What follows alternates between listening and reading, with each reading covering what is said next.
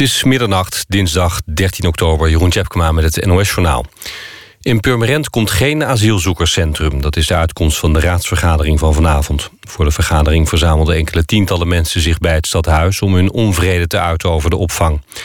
Het bleef rustig. Bijna drie weken geleden liep een raadsvergadering in Purmerend uit de hand... toen boze inwoners de raadzaal binnendrongen. In Venlo is een politiebureau getroffen door een stroomstoring. Ook het cellencomplex ernaast zit zonder stroom. Twee arrestanten die vastzaten zijn overgebracht naar een ander cellencomplex. Mensen die 112 bellen in Venlo en omgeving... worden doorverbonden naar de meldkamer in Maastricht. Ook politiewagens worden vanuit Maastricht opgeroepen. De oorzaak van de stroomstoring is onbekend... en ook is onduidelijk hoe lang het nog gaat duren. Busbedrijf Q-Bus stapt naar de rechter om te voorkomen dat de FNV donderdag het openbaar vervoer in Utrecht platlegt. De FNV wil dat er in Amsterdam en Utrecht donderdagochtend tot half negen geen bussen, trams en metro's rijden. De vakcentrale protesteert ermee tegen het loonakkoord voor ambtenaren. De FNV heeft het loonakkoord niet ondertekend omdat de pensioenen erdoor omlaag zouden gaan. Q-Bus zegt dat het geen partij is in de ruzie. Het bedrijf zegt ook dat 125.000 reizigers te dupe dreigen te worden van de actie.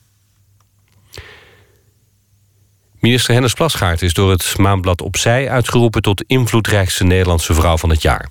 Volgens de jury van het feministische blad dwingt Hennis binnen de gehele krijgsmacht van hoog tot laag gezag af. Ook krijgt haar invloed ver over de grenzen.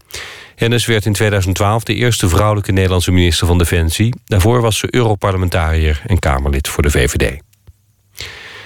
Het weer. Vannacht heldere periode met in het noorden en oosten kans op nachtvorst. Minima in de rest van het land 1 tot 4 graden met kans op vorst aan de grond. Overdag vanuit het noorden bewolking. Het blijft droog en het wordt een graad of 10. Woensdag neemt de kans op neerslag sterk toe. Dit was het NOS Journaal. NPO Radio 1. VPRO. Nooit meer slapen.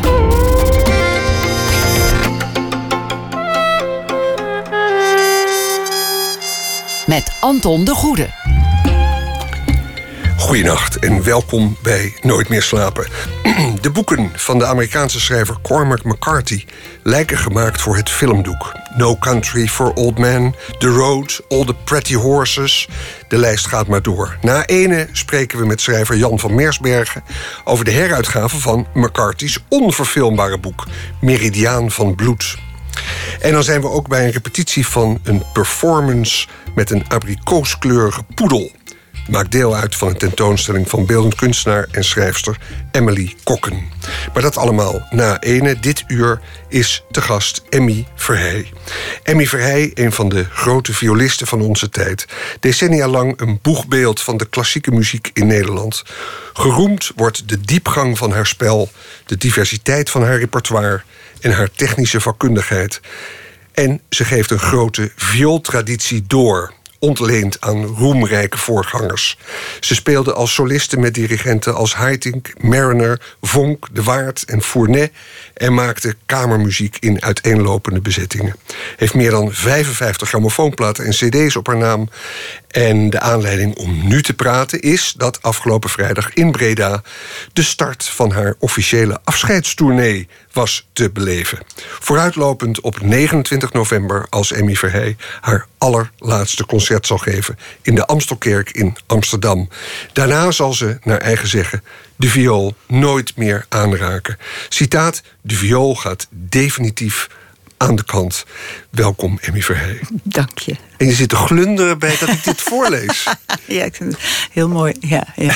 Jawel, maar te glunderen bij het feit... Het wordt zo mooi opgebouwd, ja. ja dat het gaat stoppen. Ja, ja, ja nee, het is, het is, het is inderdaad... Uh, het is goed. Het is goed dat ik stop. En dat merk ik eigenlijk uh, vanaf het moment dat ik dat heb aangekondigd, uh, voelt het alleen maar goed.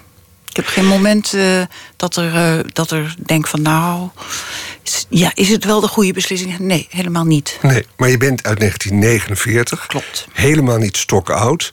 Uh, je ziet er vitaal uit. Ik, ik was bij dat concert afgelopen vrijdag. Je omarmde de pianist na afloop. Ja. er straalde geluk van die vloer. Het klonk fantastisch. Waarom stopt, waarom stopt iemand er dan mee? Nou, dat is misschien dan juist de, een reden om te stoppen, omdat het nu allemaal nog uh, um, ja, prettig gaat. En ik wil niet, ik wil zien te voorkomen dat het op een dag eh, dat ik denk van jeetje, hoe moet het verder? Dat het getopt wordt. Daar, ik hou niet van tobben. Dus ehm, ik denk dat het goed is. Ja, je maakte het afscheid bekend in 2014 in het blad Akkoord Magazine. Ja. En daar zei je. Ehm, je kunt in aanloop naar een concert geen dag studeren overslaan. Nee. En dat wordt zwaarder als je steeds minder gevraagd wordt voor concerten. Ja, dat is ook inderdaad het geval. Ja. Mhm. ja. Ehm, en ja, je voegde eraan toe, tussen februari en juli 2014 dus had ik een lege agenda. Ja. Daar kan ik niet aan wennen. Maar Nee. dan is het eigenlijk. Ja, dan is het eigenlijk een hele treurige aanleiding. Namelijk alsof er geen maar meer is. Nou, het is, het is, nou, dat is zeker zo. Het is, het is ongelooflijk eh, moeilijk, moeizaam om aan de bak te blijven. En eh, hoewel ik daar deze, deze maanden eh, niet, niet over te klagen heb, natuurlijk. Maar eh, ja, ik kan niet eeuwig doorgaan met het afscheid blijven nemen. Maar ehm, eh, dat is inderdaad eh, heel vervelend. Er zijn ontzettend veel mensen die natuurlijk eh, ja, die viool spelen, piano spelen, noem maar op allemaal. En de podia die worden steeds. ehm, eh, die, die, die zijn er steeds minder. En, en het, de, het is gewoon. Het, het kan niet met betaald worden, heb ik ook sterk, sterk het idee. Er wordt gewoon op cultuur bezuinigd. En dat is natuurlijk een godspe. Heeft het ook te maken met de klassieke muziek die minder bezocht wordt? Dat is ook ten dele. Het, zijn dus inderdaad allemaal van die, dit soort factoren. Ja, het publiek wordt dus ouder. En je moet, we moeten met man en macht proberen jong publiek in de zaal te krijgen. Maar ik denk dat dat dan andere vormen gaat aannemen. Ik, ik denk, zelf denk ik dat de traditionele vorm, dus eh, concerten met, een, met een pauze erin, dus voor de pauze en na de pauze, dat dat misschien voor een aantal mensen bijvoorbeeld niet meer zo heel erg aantrekkelijk is. En dat je dat inderdaad op een andere manier moet gaan brengen. Nou ja, dat is dan iets. En we moeten kinderen de zaal in krijgen. Dat is een ongelofelijke helft job. Eh, en in het Westen gaat dat natuurlijk met ja, in het concertgebouw en zo wordt er natuurlijk van alles aan gedaan. Maar ehm, dat, zijn dan, dat is dan toch maar een beperkte groep kinderen die daar, die, die gelegenheid krijgen door ouders of weet ik veel wat. En, en er zijn heel veel kinderen die niet, die niet, niet, niet eh, in de gelegenheid komen om concerten te bezoeken. Of juist die kinderconcerten of weet ik veel wat. En ik denk dat daar een enorm, dat daar heel veel te winnen is. Ja, want ehm, een paar jaar geleden zei je nog tegen Max Westerman in HP De Tijd... het gek is dat ik er nu steeds meer plezier in begin te krijgen. Ik kan me haast niet meer voorstellen dat ik ermee op zou houden. Ja. En dat is nog maar heel recent geleden. Ja, nou is ook alweer vier, vier jaar. Nou ja, ja. Nee, maar het samenspelen is natuurlijk fantastisch. En dat heb ik inderdaad de laatste 15 jaar is dat, eh, is dat veel meer naar me toegekomen. Uh, dat kwam ook omdat de, orkest, de concerten met het orkest wat verdwenen. En ik me veel meer op kamermuziek ben gaan richten. En uh, ja, ik heb daar inderdaad een. een het was nog een onontgonnen bijna bijna hoor, ik overdrijf schromelijk, maar dat uh, zal ik wel vaker doen. Uh, een onontgonnen gebied. En uh, ja, dat, dat, ja, dat was wel een openbaring. Dus ik heb heel veel, um, in, inderdaad ongelooflijk veel repertoire weer leren kennen de afgelopen 15, 20 jaar.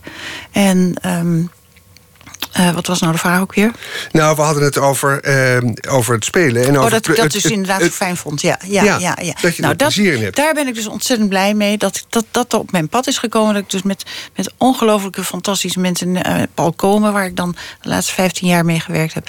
En Godfried Hogeveen, ook een, een, een trio gevormd. Dat hele piano-trio-repertoire was me nou ja, op een paar stukken na onbekend. Er is ook heel veel voor geschreven. Er is heel veel voor geschreven, ja. En dan ja. zit je opeens in die zaal in Breda, in de Nieuwe Vesten... en dan hoor je dat jullie Schumann spelen met een piano. Ja. En dat is zo beeldschoon. Ja. Voor de kenners, Dank welk stuk was het? Pianokwartet, opus 47, S groot. Is dat iets wat in brede kring dan bekend is? Of is er zoveel geschreven dat ook heel veel mensen dit niet kennen? Ja, dat weet ik dan niet. Um, ik, ik kende het wel. Ik, kende het, ik heb het één keer vroeger ook gespeeld. Heel vroeger, 30 jaar geleden of zo. Um, ik weet niet in hoeverre het wel of niet bekend is. Maar het is zo verschrikkelijk mooi. Het tweede deel is zo adembenemend. En het derde deel is ook zo geweldig. En, ja. Nou ja, het laatste deel is, is, is fantastisch. Nou, We hebben geprobeerd om er een registratie te vinden van jou. Maar dat nee, is, dat, niet. dat nee, is er nee, niet. niet nee. Eh, nog een reden om naar dat afscheidsconcert te gaan. Want het gaat het land een beetje door Ja, tot, ja. tot aan De- eind november. De concerten hebben niet allemaal dezelfde programmering, maar inderdaad, eh, daar worden op sommige, op sommige plaatsen wordt dit programma nog eh, herhaald. Dus met het Dvorak piano kwartet. Maar heel veel luisteraars zullen denken van... ja, maar dan kan je toch af en toe gewoon nog kamermuziek Ja, blijven maken. Dat gaat dus niet. Want ik moet dus, dat is dus weer wa- wa- wa- wat je net aanhaalde... ik moet elke dag daarvoor in vorm blijven. Het is wat dat betreft, blijft het sporten. Neem, eh, kijk, het is ongeveer net als met tennissers. Die houden er ook op een gegeven moment mee op. En waarom? Omdat ze anders in, in de, blessure, de hele tijd in de blessures vallen. En dus inderdaad een beetje achter zichzelf aan gaan lopen. Nou, en dat wil ik dus niet. Ik heb genoeg blessures gehad. En ik, ik, ga, ik wens niet nog meer in, in blessures terug. Want dat speelt wel een Ja. rol. Als je onregelmatig gaat studeren, kom je in de blessures. Tenminste, dat geldt voor mij. Ja, zijn we gelijk bij de titel van het boek... Mijn viool, vriend en vijand, Ja. heet het. Eigenlijk een agressieve titel of een mysterieuze titel. Ja, dat... heb ik niet zelf bedacht. Nee, maar goed. Ik heb wel mijn goedkeuring Het is wel de dekking van, als je al die interviews leest die Ja. erin staan... Ja. van ja, die haat-liefde verhouding Ja, met, het, met het instrument. Ja. Ehm, en toch, ik, eh, als je over jou leest, dan eh, zie je dat je ooit naar David Oistrakh ging in Ja, Moskou. ja. De Russische componist. Daar mocht je naartoe omdat je het Oscar Bak-concours had gewonnen in Nederland, als ik me niet vergis. ja, dat klopt. Toen kreeg ik, daar kreeg ik een beurs van. Daar kreeg je een beurs van en toen ging je naar Moskou. Die man die was stokoud. Nee. Ja, dus, Of Oscar Bak was stokoud. Oscar Bak was Stockhart, ja. ja. En die heeft je ook nog les gegeven. Oscar Bak was 78 toen ik bij hem kwam, ja. ja. Betekent dat, dat, want op die leeftijd kan je dus nog wel masterclasses geven. En, en dat je daar nog wel voor beschikbaar bent? Oh jawel, zeker. Ja. ja, ja. Alleen dan komt er dus geen viool aan te pas. Dan ga ik alles dus ehm, ehm, ehm, ehm, benoemen. En dat was met Oscar Bak en David Oistrakh ook het geval? Nee, Ooster stond eh, nog op het podium. Die was, eh, die was af en toe weken weg omdat hij moest, eh, omdat hij concerten had in Europa of waar dan ook. En Oscar Bak heeft nooit op het podium gestaan. Nee, maar dus het kan wel op hoge leeftijd. Ja, zeker. Doorspelen. Oh, ja, ja. Ja. Ja. nou, maar Oorstag is, is volgens mij nog niet eens 65 geworden. Ja, dus, Nee, nee, nee, er zijn niet Ah, ja. zoveel. Ga maar kijken, ga maar, zoek maar op YouTube. Er zijn niet zoveel mensen die, eh, die op hoge leeftijd spelen. Ik zag onlangs iemand, een bekende violist... ik ga niet zeggen wie, zag ik op YouTube. En die was eh, die is iets ouder dan ik. En ik zag het aan, en ik zag het aan, en ik hoorde het aan. Toen dacht ik, nou, dat wil ik dus niet. En wat gebeurde er dan? Nou, dat het gewoon niet... Ik ken hem dus van vroeger. Ik weet hoe hij vroeger speelde. Het was gewoon minder. En dat wil ik mezelf niet aandoen. Ja, het is niet zo dat een gerijpt mu- eh, eh, muzikus... dan misschien technisch wat vaardigheden laat liggen... maar door nee, zijn... het is, het is door- gewoon een heel, heel moeilijk. instrument. Vioolspelen is gewoon ontzettend moeilijk. Je zit met, met, met zoveel verschillende eh, dingen. Je, die motoriek moet gewoon eh, op, op peil blijven. En als dat een beetje gaat, af gaat wijken, dan, ja, dan, dan, dan, dan klinkt het anders. Ja, ik, ik kan daar niet mee leven. Ik zei het al, ter gelegenheid van je afscheid is er een boek verschenen bij uitgeverij Eburon over jou. En daar zijn een aantal portretterende interviews afgedrukt. Onder andere van Jan Brokke en Paul Witteman. Waarin veel over je leven naar buiten komt. En daar zullen we in het komend uur een paar dingen uit, uit, uit, uit naar boven halen. Ehm, en het gaat natuurlijk over de muziek. En een van de interviewers is Henk Smit. Kenner van jouw werk. Ja. Voorzitter van de Emmy Verheij Van het festival. festival. festival ja. Ehm, en die stelt vast dat jij eigenlijk geen voorkeur hebt voor een bepaalde stijlperiode of componist. ja, dat klopt wel. Toen dacht ik, hoe is het mogelijk? Ja, ik ben natuurlijk gek op Bach, hè. En dit- laten we dat voorop stellen. En Mozart heerlijk en Beethoven vind ik fantastisch... en Brahms en Dvorak en Schumann en noem maar op allemaal. Mhm. Maar ik ben ook heel erg gek op het repertoire... van de, de eerste helft van de 20e eeuw. Ik, echt, daar is zo waanzinnig veel gebeurd. En het is zo boeiend om, daar, eh, ja, om dat uit te voeren. En dat is nog zo... Dat vind ik wel heel erg. Dat is nog zo... Ja, vaak nog zo onbekend. Ja, en wa- want wat je dan hebt gespeeld, in hoeverre heb je daar eigenlijk invloed op? Of word je gevraagd voor dingen? En... Dat is dus het probleem. Je wordt altijd weer op, eh, eh, geworpen, eh, teruggeworpen op, op de bekendere werken. Want anders dan is men weer bang dat het publiek niet in de zaal komt. Maar langzamerhand heeft dat zich helemaal tegen zich gekeerd. Want het publiek komt, ook als je een super, super ehm, ja, aantrekkelijk programma... of tenminste een, een, een gemiddeld programma brengt... een romantisch programma, ja, dan, dan zie je het ook de zaal leeglopen. Dus er, er moet, moeten hele andere dingen gebeuren. Ik heb het zo vaak meegemaakt dat ik dan uh, Prokofjev en Ravel... en dan gecombineerd met, nou noem maar wat, Cesar Frank of zo... en dan zeggen ze, ja, dat is, uh, dat is misschien dan toch net te veel. Ja, dat kan ik, ik had het laatst nog ergens. Oh ja, ik zou um, een, een pianotrio van Friet wilde ik gaan spelen. Geertza Friet, fantastische componist. Fantastisch pianotrio. Maar dat is geschreven, heeft hij geschreven in de jaren 50 of zo.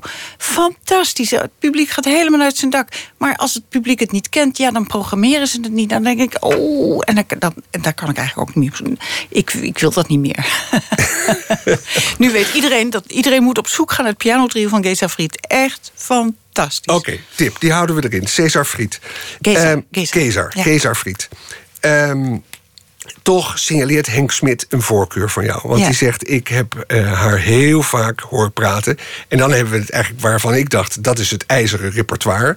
De vierjarige tijden van Vivaldi. Ja, een fantastisch stuk. Maar, eh, want dan denk je van, als er nou één... Uh, ontzettend veel, misschien bijna grijs gedraaid stuk is, is het dat. Ja. Maar we gaan er een stukje van laten horen, want jij, jij vindt dat prachtig en het is ook heel erg mooi. Um, vanaf 1991 heb je met het strijkersensemble Camerata Antonio Lucio gespeeld. En we gaan luisteren. En misschien dat we daarna nog even jou horen wat er dan zo geweldig aan is. Ehm, naar een uitvoering van het tweede deel van De Lente uit die vierjarige tijden van Vivaldi.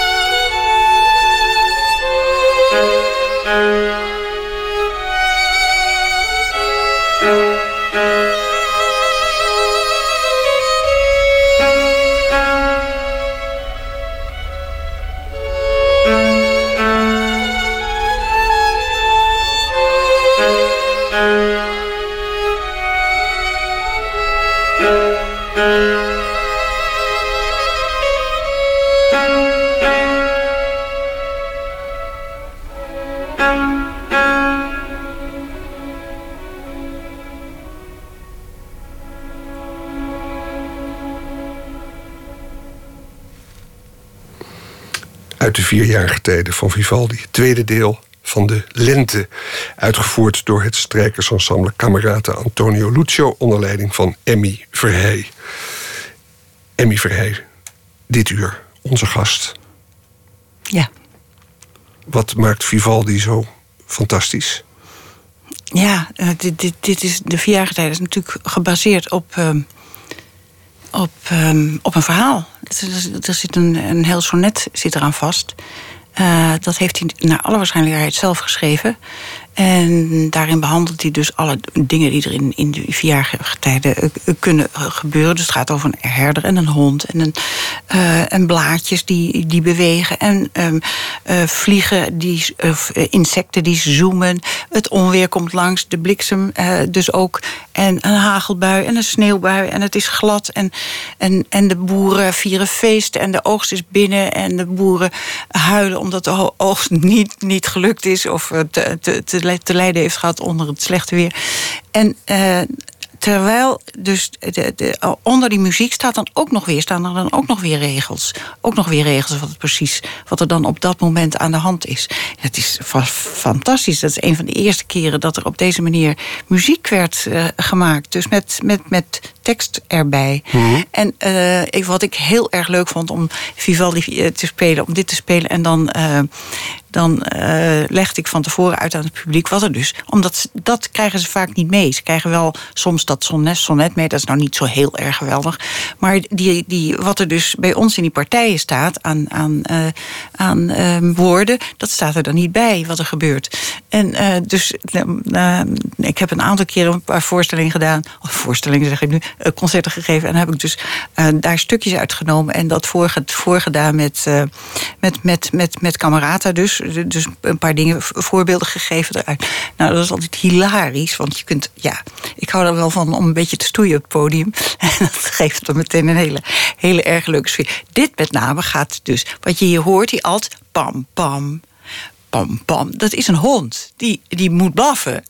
En, en daar staat daar gewoon een, een achtste en een kwart. En dan kun je dan, dat kun je dus pam, pam spelen. Pam, pam. En sommige met veel vibrato en zo. Maar dat vind ik dus niet op meer op, op, op een waf leggen. En dan kan je niet een, gaan zitten blaffen natuurlijk tijdens dat uh, eerste deel. Je moet het ook niet te letterlijk nemen, wat ook gebeurt. En daar word ik, uh, daar word ik dan weer niet, niet, niet goed van, zal ik maar zeggen.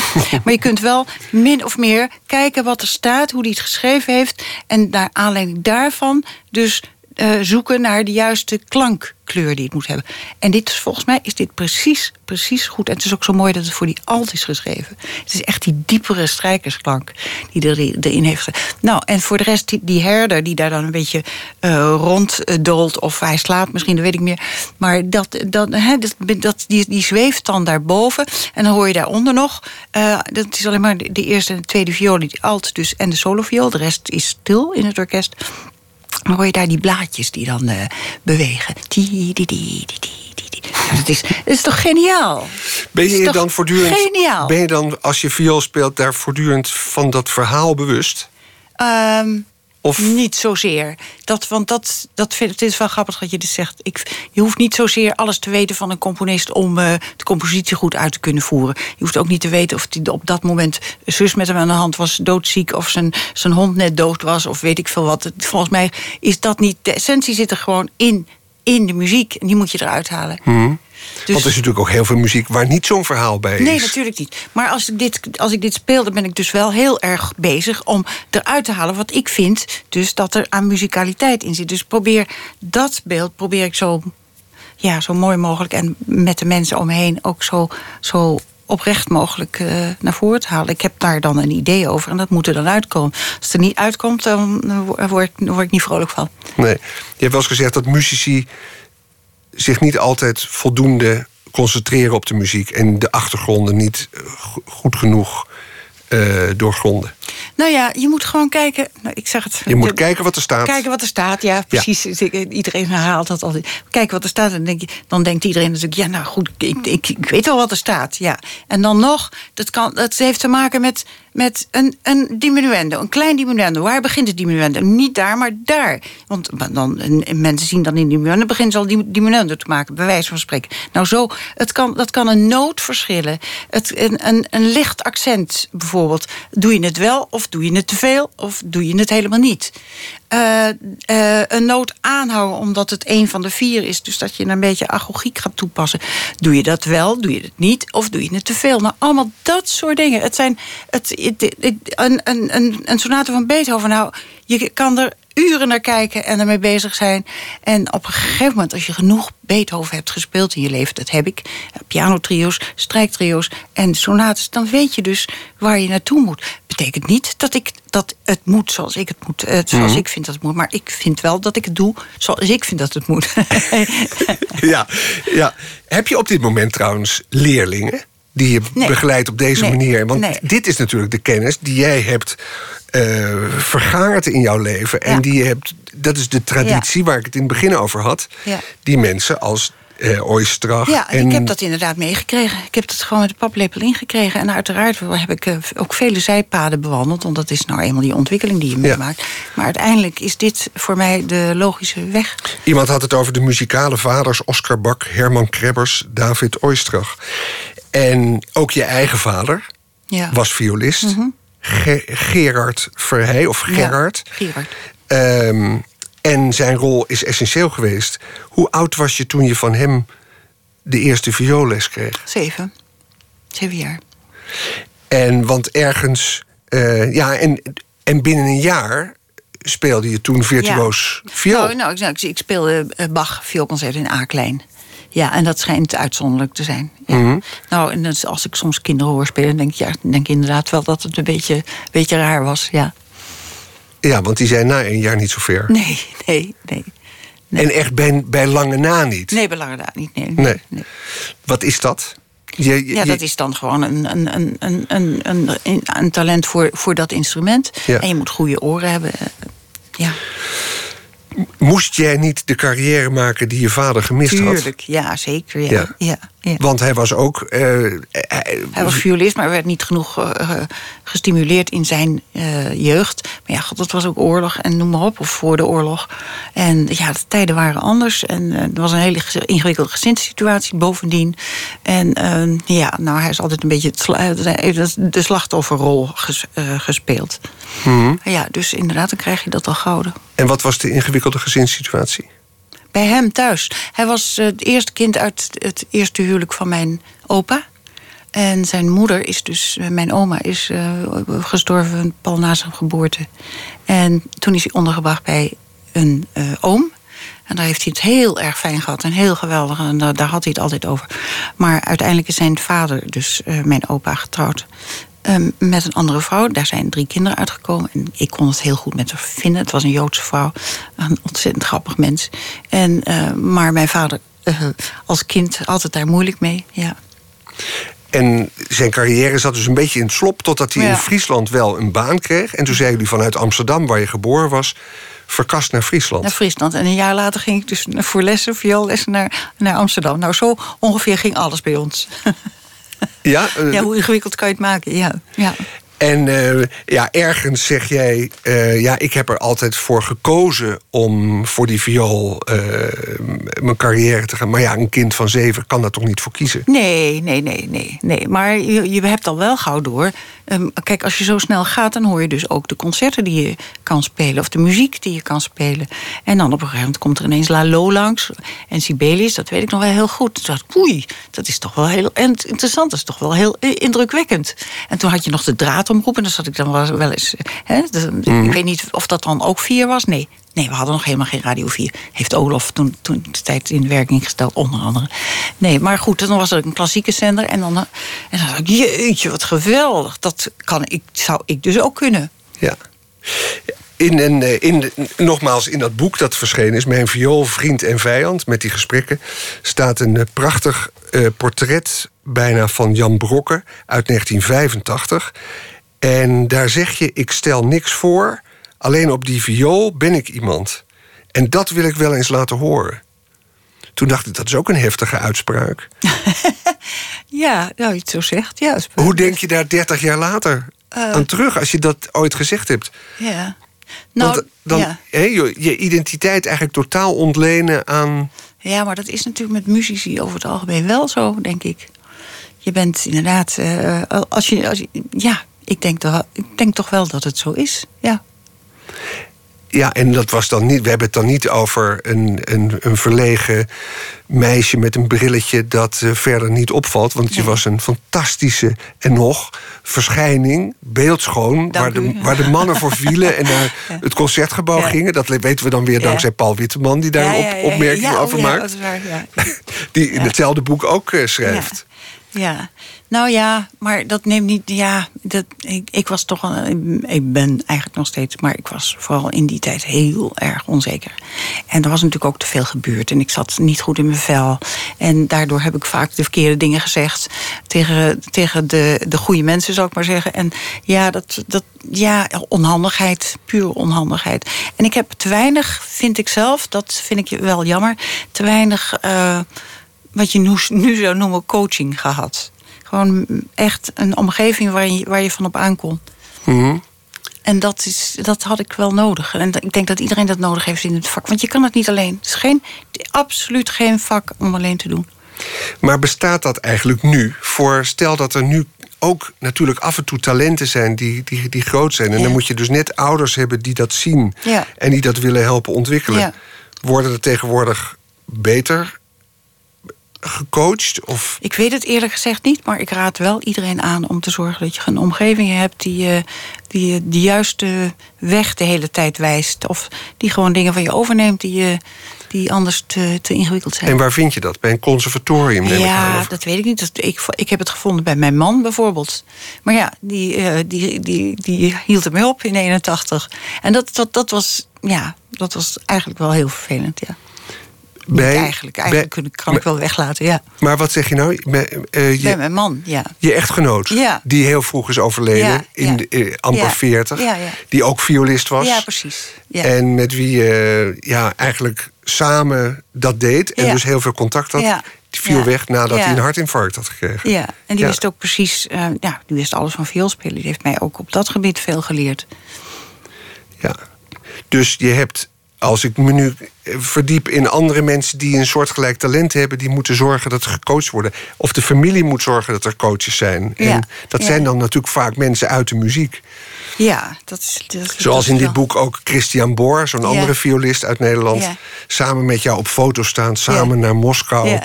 En uh, jong en, en ambitieus. Ja, ja. En veel pret, dat straalt van die foto's. Ja, ons ontstellend veel gelachen. Oh, nou, nou, nou, nou. Ja.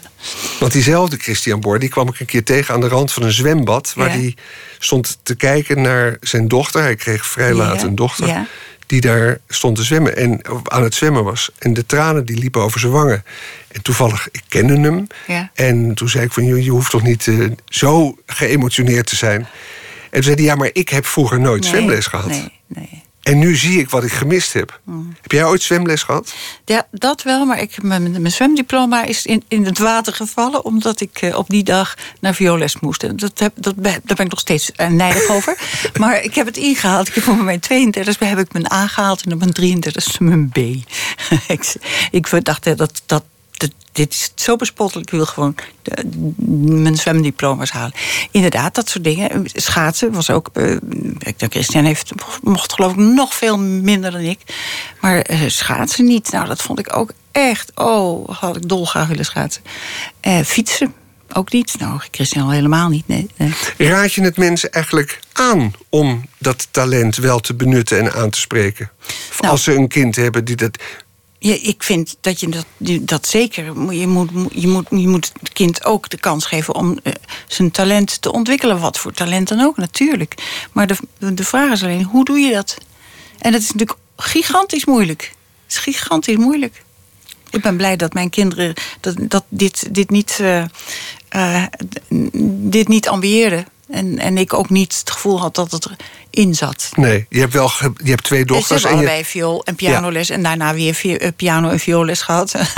Afhankelijk van hoe de pet stond. Maar... En, en opgelucht uh, constateerde Emmy Verheij dat haar dochters minder... Ik heb, ik heb, het niet zo heel erg aangemoedigd.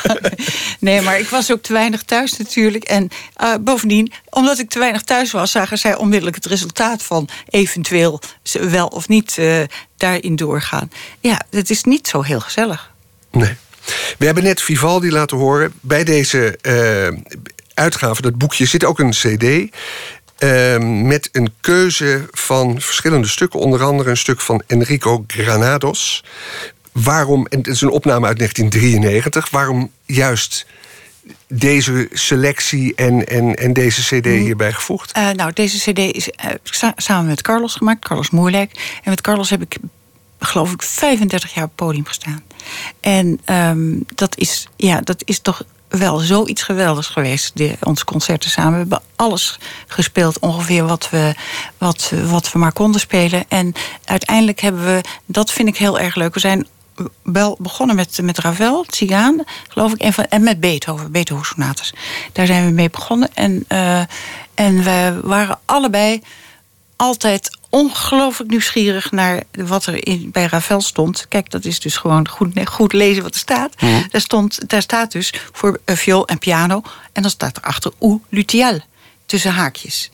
En die luthiel, ik dacht, wat is dat toch? Wat zou dat toch zijn? En daar had ik het dus met Carlos op een gegeven moment over. Nou, zegt Carlos, dan gaan we daar eens even naar kijken... wat dat dan inderdaad is. En dat bleek dus een instrument te zijn... eh, waar, eh, waar Ravel, te- die heeft daar voor twee stukken... heeft hij da- die luthiel laten maken. En dat is onder andere voor het ballet eh, L'Enfant et le Sortilège. En, en dus eh, Ravel Tsigaan. En ehm, toen is Carlos op zoek gegaan. Toen bleek dat er dus in Brussel een origineel exemplaar staat. Dat originele exemplaar, daar moet je verder niet aankomen... want als je er naar kijkt, valt het al in elkaar. Want leg eens even uit waar, hoe Het de luteaal ja, het is eruit een- ziet. Het, is een, het, het lijkt op een vleugel. En ehm, het lijkt op een vleugel, maar er zitten ook nog knoppen aan. Vier soort van registers. En als je die uittrekt, gebeurt er dus iets met het binnenwerk. Dat staat allemaal heel goed beschreven in dat boekje. Dus eh, daar, on- onder andere daarom eh, zou iedereen het boek moeten kopen. Want die cd krijg je er dus gratis bij. En dus de uitleg erover. En dan krijg je dus allerlei gekke effecten. Een cembalo- cembalo-effect, een, eh een fluittonen-effect... en zo nog veel meer. Dus, en Ravel heeft daar dus ook een, een andere pianopartij voor geschreven... dan voor de uitgave viool-piano. Ja, we gaan straks aan het eind van dit uur iets horen van die luteaal. Ja. Een eh, kort nummer. Eh, maar hier horen we Carlos Moerdijk achter de piano... in eh, de Spanish Dance van Enrico Granados en Emmy Verheij... dus op viool. Prachtig stuk.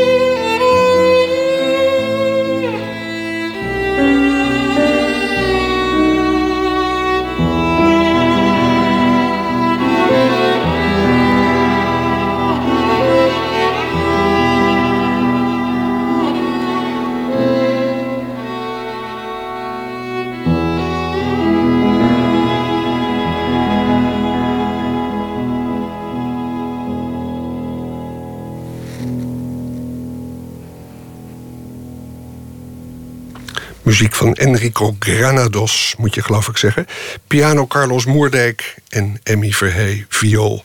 Emmy Verhey, dit uur bij ons te gast.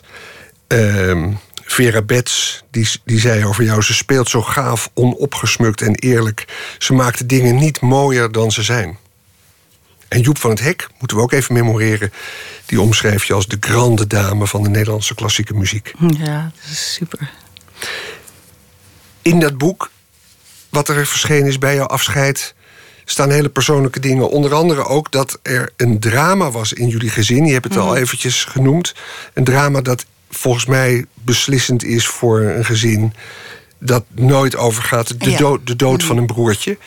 En eh, verdronken ooit in de Dokkumur E. Jullie waren verhuisd naar Friesland vanuit Amsterdam. En ehm, ja, uit dat boek valt op te maken dat je na zijn overlijden koos voor die viool. Die keuze voor. hoe, hoe, hoe zat dat dan? Dat de dood van dat broertje het begin was van jou. Nou, dat is een. Ja, misschien moet ik het anders zeggen. Eh, Ik was zeven toen, toen ik dus vioolles kreeg van mijn vader. En op mijn achtste ging ik. eh, eh, er bleek dus dat, er, dat, er, dat mijn, mijn vader wilde daar verder niet mee doorgaan. Omdat hij niet het gevoel had dat hij daar capabel genoeg voor was als uh, vioolleraar. En dat is inderdaad natuurlijk heel verstandig om niet je eigen kind, kind verder les te gaan geven. Als, er, zoals het dus zodanig veel talent heeft dat je, nou ja, dat, je dat niet meer aan kan. Maar ehm, op mijn achtste ging ik dus naar Amsterdam kreeg ik les en toen gebeurde dit. En ehm, nou ja, dat was natuurlijk een. Ja, goed. Dat, eh, mensen die dit hebben meegemaakt, die weten wat er dan in een gezin gebeurt. Het is gewoon ja. En ehm, ik denk dat dat gewoon. Ja, dat er dan iets is van. Nou ja, we moeten de boel eigenlijk maar zo normaal mogelijk houden. En dus gaan we gewoon door met die viool, want dat was er al. En, dat, en eh, eh, mijn, mijn beleving was in ieder geval op dat moment heel sterk. Alles moet weer gewoon zo normaal mogelijk zijn. En dat is een logische reactie van kinderen. Zo normaal mogelijk. Ja, dus die viool, die, eh, ja, dat, dat ging door. Want je hebt, wel, je, hebt, je hebt gezegd, misschien kwam de viool destijds een beetje voor hem in de plaats. Ja, dat zou kunnen natuurlijk. Mijn ouders waren natuurlijk totaal, eh, ja. Werd er over gepraat thuis? Nee, of- nee, nou, eh, dat weet, ik weet wel dat er veel gehuild werd. En eh, ja, dat vond ik ehm, vreselijk.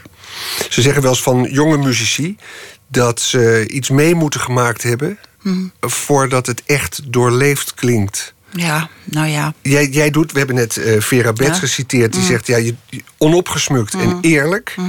maar tegelijkertijd eh, weet je er dus ook gevoel in te leggen. Is het, is het psychologie van de koude grond om te zeggen, ja, als iemand iets zo heftigs heeft meegemaakt en misschien ook andere dingen in een leven, dat hij dan beter speelt? Of is dat onzin? Nou, ik weet het niet. Ik, ben, ga nooit zo in di- di- dit soort theorieën mee. Ik, ehm, ik, eh, ik, ik- de- wat ook in het boek staat, is het verhaal van iemand die eh, toen ik net een baby had gekregen en naar me toe kwam. Ja, die kan, kan wel horen. Ze speelt heel anders nu. Had- eh, dat werd er dus om me heen zo gezegd. Nou, dan denk ik ook, ja, doe maar hoor. Als je dat nou niet had geweten, had je, hè, dan eh, had je dat misschien helemaal niet Nee, gezegd. hinein interpreteren. Ja, precies. Dat, Ja. ja, ja. Maar dat is ook weer dat eerlijke en dat nuchtere wat ja, je ik hebt. word, ik word er heel kriegelig van. Ja, Op welke viool speel je nu? ja de, de, eh, de, eh, de viool die je nu net hoorde... en Vivaldi was dus op de Stradivarius... en dit was de Guarnerius uit 1976. Ja, want ooit heb je een Stradivarius 16, gehad. 19, 16, 1676, ja. Een Stradivarius, ja, die komt dus uit de 17e eeuw. 1723, ja. Dus eigenlijk de 18e, 18e eeuw, eeuw, ja. ja. En ja, dat was je toch niet goed genoeg, denk ik. Ja, dat is Want natuurlijk een beetje raar om te zeggen, hè? die, de Stradivarius heb je aan de wilgen gehangen... en toen kreeg je een Guarneri. Nou, krijgen was het ook niet helemaal. En, eh, en het is heel Want- anders gegaan. ja. Ik had dus die, mijn man en ik hadden dus die Stradivarius gekocht. En dat konden we doen omdat we, omdat met name hij zijn viool verkocht. En eh, hij had al eerder een hartinfarct gehad, dus hij wist ook, ehm, voordat hij overleed, drie jaar daarvoor. En hij wist ook dat hij eh, met die, die viool. Hij, hij zat op dat moment in de antiek. Dus hij dacht, nou ja, ik verkoop mijn viool, daar kunnen we dan weer andere dingen verkopen. Kunnen we dan een echt instrument voor Emmy verkopen? Want op dat moment zat ik echt de hele tijd. Uh, van de, ik liep van de ene viool naar de andere viool en er kwam gewoon geen viool langs. Er was toen nog geen muziekinstrumentenfonds. Dus uh, ik heb het zelf allemaal voor elkaar moeten krijgen. Dus... Want tegenwoordig, je neemt een hypotheek op Ja. een viool, hè? Een lening nee, of een. nee, nee, tegenwoordig leen je een viool bij het muziekinstrumentenfonds. Aha. En eh, die, die hebben allemaal instrumenten in hun huis. En, eh, maar goed, dat bestond dus nog niet. Dus eh, mijn man bes- besloot heel veel dingen te verkopen die we in huis hadden. Eh, onder andere ook antiek. En eh, daar hebben we dus een viool van gekocht. En op dat moment, de enige viool die te koop was... dat was helemaal niet de bedoeling, was deze Stradivarius. En ehm, hij dacht dus meer iets aan... eh, die Guarneri die ik nu heb, die Guarneri die ik nu heb... die was van zijn leraar. En dat was een geweldige viool. Hij heeft eh, les gehad in Tilburg in die tijd. En deze viool sprak al die, die, die, die mensen... die in die tijd les hebben gehad van, van Bella Decani... die waren allemaal lyrisch over deze viool. En dus zocht Paul naar zo'n soort viool. Maar die kwam natuurlijk net... Ja, moet ook maar net allemaal te koop zijn. En die Stradivarius kwam wel langs. En die hebben we toen in huis gehaald. En ja, dat is, uiteindelijk is het dus deze Stradivarius geworden. Maar eh, daar was ik ontzettend gelukkig mee. Een fantastische, prachtige viool. Eh, wel af en toe moeilijk. En ik, wist, ik, ik heb nooit geweten waar dat aan lag. Ik weet het geloof ik langzamerhand wel. Ehm, maar um, dus die, die Stradivarius had ik in mijn bezit. Paul was overleden. Op een gegeven moment in 1990 of zo, begin 19, ik weet niet meer. Toen uh, verkocht Be Bela, wilde deze viool verkopen.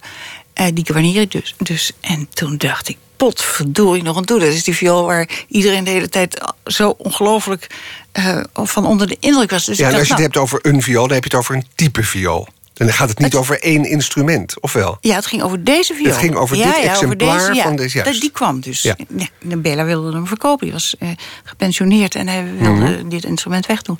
En toen dacht ik, nou, die moet ik toch minstens in mijn handen gehad hebben. Ik moet toch, kan toch niet zomaar dat instrument ook nog van, van Bela, want ik ben gek op Bela. En, en mijn, iedereen was gek op Bela. Maar er was dus een emotionele band, Ja. omdat, Ja, precies. omdat je echtgenoot Ja, Ja. daar iets mee had. Ja. Maar kan je ook het verschil horen? ja, Ik, ik zeker wel. Ja, ja, en kan je ook uitleggen wat het verschil is tussen... Ja, het is een ander soort klank. Het is sowieso het verschil Stradivarius en, en Guarneri is, is, wel, ja, is wel evident. Uh, en Stradivarius heeft een wat, uh, wat hoger geluid, misschien moet ik het zo zeggen. En um, in ieder geval deze Guarneri heeft een, een heel diep geluid. En daar zitten ongelooflijk verschillende veel, verschillend veel klankkleuren in. En waarom, waarom kan er niet nu zo'n goed instrument gebouwd worden? Ja, dat weet ik niet. Ik ben geen vioolbouwer. Maar misschien zijn ze wel gebouwd, maar alleen dat, dat zeg ik ook alsmaar. Als ik toen de tijd inderdaad een viool had in mijn hand, een nieuwe viool in mijn handen had gekregen, die dit geluid had uh, in zich had, nou, dan had ik niet al die moeite hoeven te doen. En het is geen valse romantiek. Nee. Dat je naar de 17e nee, eeuw absoluut moet. niet. Om, om, om, nee, nee, nee. Nee, nee, nee, nee, nee. nee. Het klinkt dus, voor een buitenstaander ja. totaal idioot eigenlijk. Hè? Dat begrijp ik. Maar goed, deze Guarneri kwam dus mijn huis binnen... omdat ik vond dat hij niet zomaar weg moest naar weet ik veel wie. En ja, toen is hij mijn huis niet meer uitgegaan. Maar toen had ik ineens twee violen. En dat, ja, nou ja. Ik bedoel, op een gegeven moment wil je ook nog, nog wel iets anders doen... dan alleen maar uh, je violen afbetalen. Dus dat leek me... Toen, toen moest ik kiezen. Nou, en dat was niet makkelijk natuurlijk. Nee, maar toen heb je gekozen voor de. Ik heb gekozen voor de. Nu heb je gezegd, je hebt aangekondigd... we hebben dat al een paar keer ge, gememoreerd... dat je gaat stoppen met uh, vioolspelen. Ja, wat, wat, gebeurt er dan ja, met ja, de viool? Dat vraagt ook iedereen. Ja, maar ja... dat weet ik toch niet? Daar ga ik toch eens even een, een rustig nachtje over slapen. Ja. Ik bedoel, hij, hij, ligt niet in de weg. Maar droom en, je ervan dat je ermee ophoudt? Nee. Het, het, blijft toch nee, nee. ongelooflijk. Een, een, een, kind van vijf krijgt haar eerste lessen... staat helemaal een leven in het teken van de viool... en je stopt ermee alsof toch ook ja, vrij ja. laconiek. Nou, nou nee, ik heb hier natuurlijk wel al veel langer over nagedacht. Het is niet zomaar ineens nee. naar aanleiding van helemaal niet. Nee, nee, nee. Dit, is, dit speelt al ja, eigenlijk zo, vanaf mijn veertigste. Zo van wanneer, wanneer ik, ik speel nu goed, maar wanneer stop ik er dus Mhm. mee?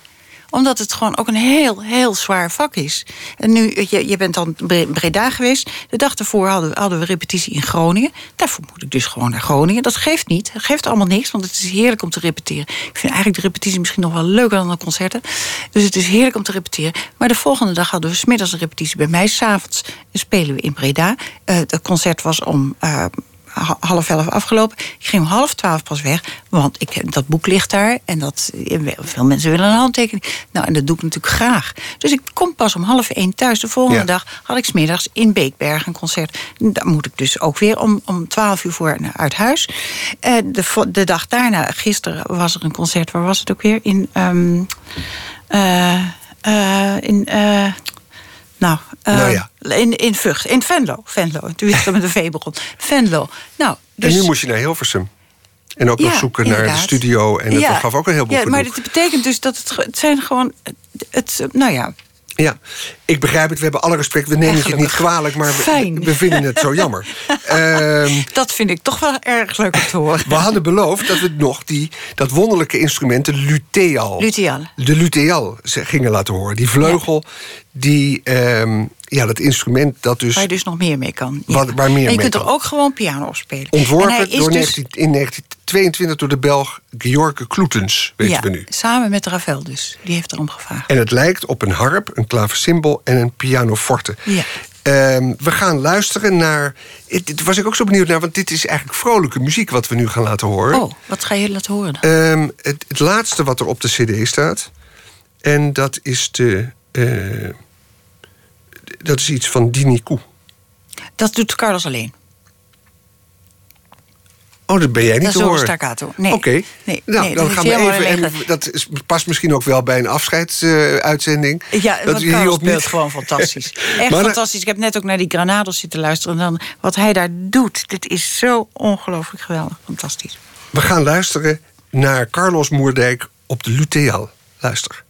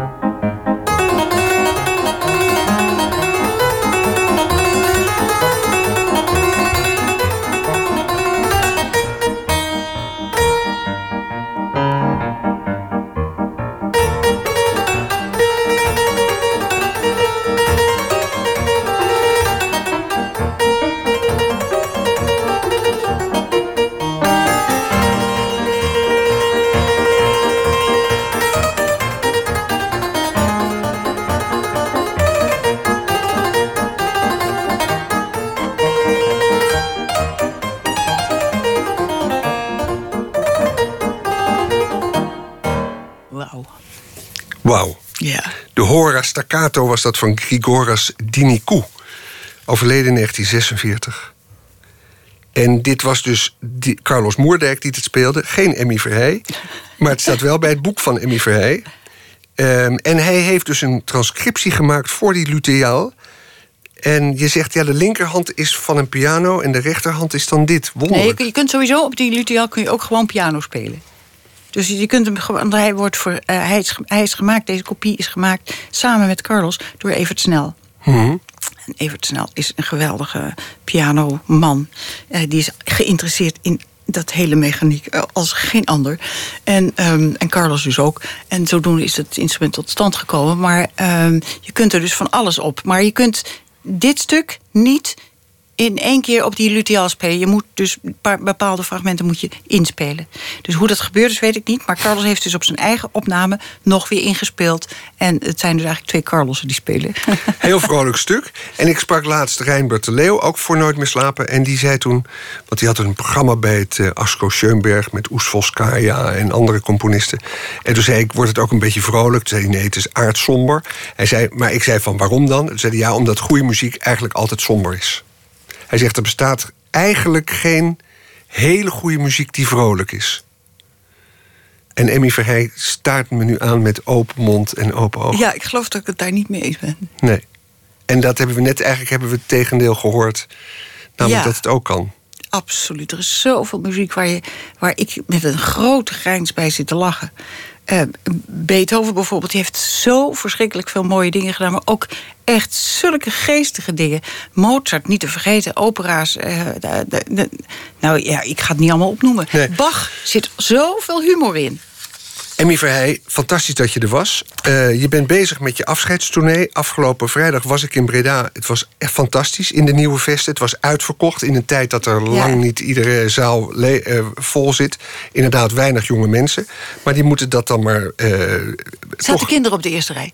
Ja, ja, ja. oké. Okay. Ja. Die heb ik dan even gemist. Um, maar fantastisch. Um, ja, we hadden het nog kunnen hebben over het muziekonderwijs. Ja, waar het naartoe ja, moet met het muziekonderwijs. Wat ga je nou doen na dat afscheidsconcert? Um, nou, misschien uh, uh, uh, um, op vakantie of zo.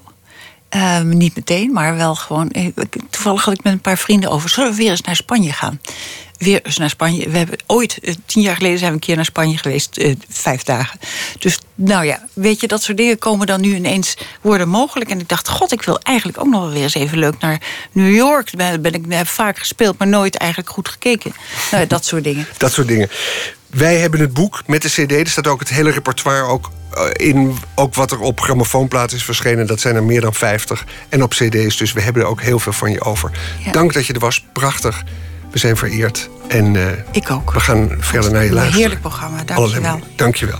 Emmy Verheij.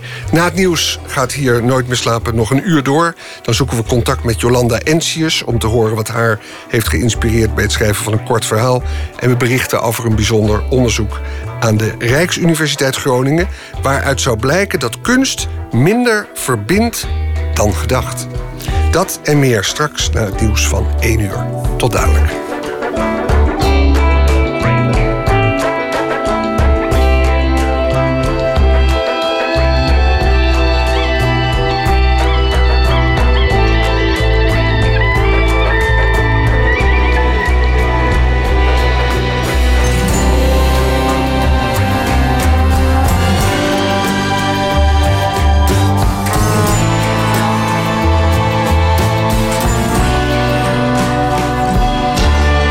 Radio 1. Het nieuws van alle kanten.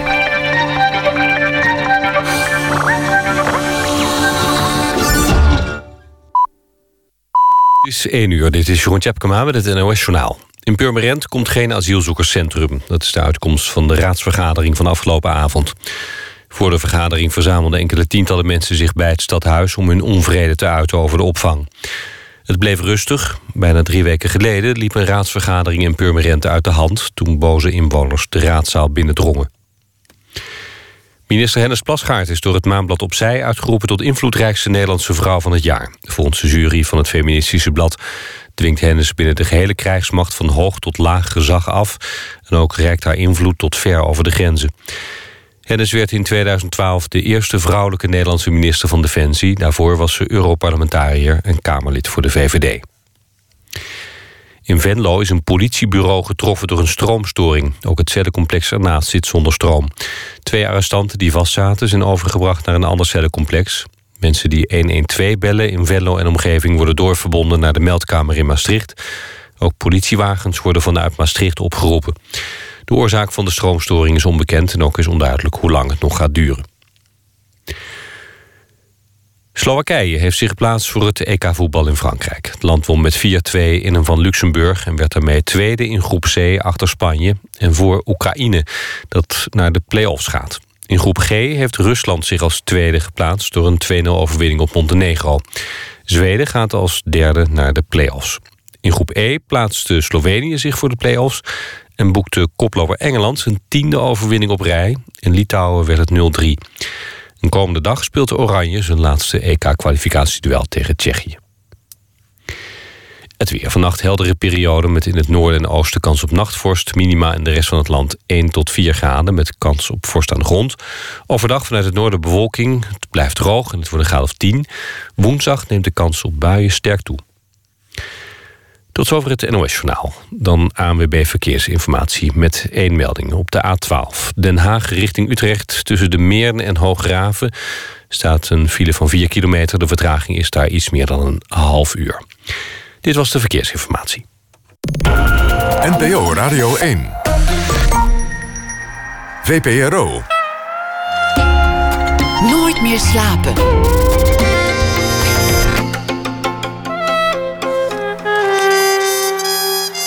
Met Anton de Goede. Welkom terug bij Nooit meer slapen. Straks zijn we bij een repetitie van een performance met een abrikooskleurige poedel. Maakt deel uit van een tentoonstelling van beeldend kunstenaar en schrijfster Emily Kokken. Come, Stay, Go. En met schrijver Jan van Meersbergen praten we over het werk van de Amerikaanse schrijver Cormac McCarthy. Aanleiding is de heruitgave van zijn boek Meridiaan van Bloed. En we beginnen dit uur met een schrijver of dichter die reageert op iets wat er in de wereld is gebeurd. En deze week doen we dat steeds met Jolanda Ensius. Jolanda Ensius heeft geacteerd, films geregisseerd, scenario's geschreven en romans onder de titel Rakelings, Alleen voor Helden, De Gelukkige en het kabinet van de familie Staal. Goedenacht, Jolanda. Goedenacht, Anton. Ja, goed je te horen. Maandag, eerste, eerste van een eh, serie van vijf dagen waarop je in ons programma te horen zult zijn. Ehm, ja, en dan steeds geënt op een. Je heet Ensius en geënt op een, eh, een nieuwsbericht of iets wat, wat vandaag speelde. Ja, ja, ik heb het een beetje wat breder genomen dan alleen maar wat vandaag speelt. Ik dacht wel, ik neem ook de actualiteit zelf een beetje als onderwerp van nu en dan. Maar, ehm, Wat is het Ja, geworden? Wat was het, wat, wat was het voor een dag vandaag? eh, voor mij was het een dag van eh, heel erg veel in de trein zitten. Ik was op uh, ziekenbezoek bij een dierbare in eh, Rotterdam. En er eh, was van alles op, aan de hand op het spoor. Dus uiteindelijk geloof ik dat ik eh, meer dan nou, heen en terug eh, bijna zes uur in de trein heb gezeten voor één uur ziekenbezoek. En eh, nou, dat was eh, op, opwindend, als je zult begrijpen. En wat doe je dan als de trein stilstaat? Nou, dan ga je dus inderdaad op je telefoon, wat iedereen doet, ga je op de telefoon ga je de, de krant lezen. En dan was ik vergeten om het NRC te downloaden. De NRC heb ik, eh, moet, moet ik zeggen, de NRC te downloaden. En er was geen wifi. En dus toen eh, heb ik de trouw gelezen en ik heb de correspondent gelezen. En ik had nog wat, eh, nog een oude groene op, de, op, de, op mijn eh, telefoon staan. Dus dat heb ik gedaan. En verder heb ik heel erg dan opgelet of er nog informatie kwam welke trein ik moest hebben. Dat soort, nou wat al die reizigers doen. Je bent enorme... Je, je hoopt zo snel mogelijk weer de rust te hebben om inderdaad te kunnen lezen. En dat, eh, dat duurde vandaag nog wel Ja. even. En je zou ook een bijdrage schrijven en die ga je nu laten horen. Mag ik Ja, je het die woord ga ik geven? nu laten Ja, horen. ga je gang. Een vloedgolf van hormonen. Ik sta op gespannen voet met de actualiteit, zeker als ik er iets mee moet doen. Niets liever, denk ik, dan iets doen. Maar het probleem van de actualiteit is nu juist dat hij het verlangen oproept te handelen, maar dat je zelden weet hoe. Zoals je wanneer iemand dreigt te verzuipen toch liever in het water springt om de drenkeling te redden dan je laptop openklapt om zijn ondergang te beschrijven.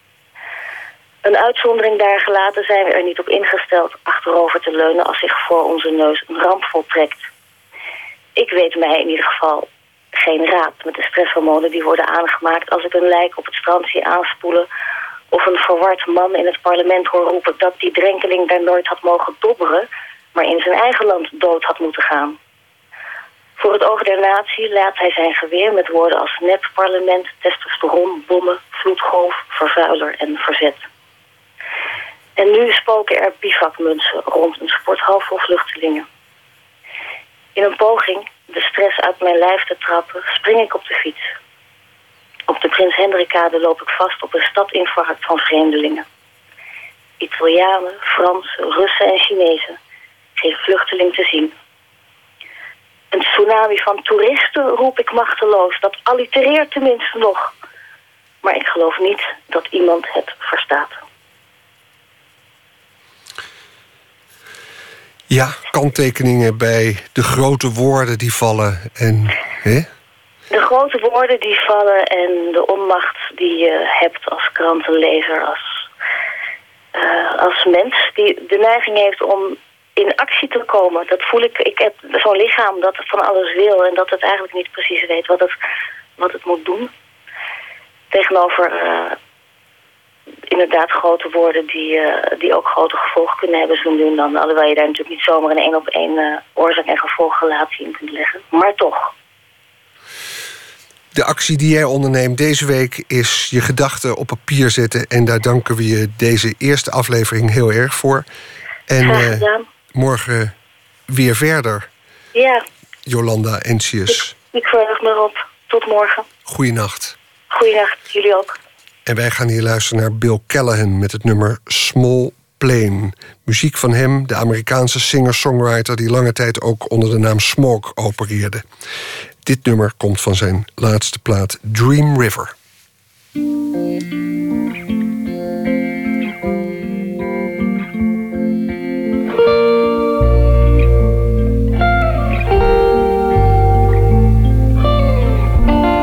You used to take me up I watched and learned how to fly. No navigation system beyond our eyes. Watching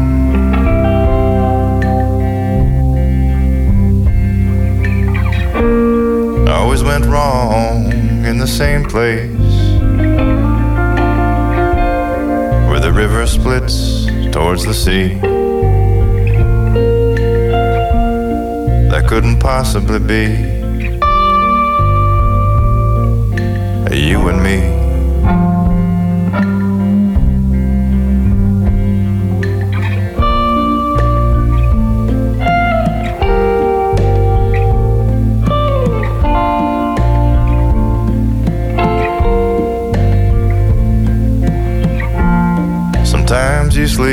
While I take us home. That's when I know we really have a home.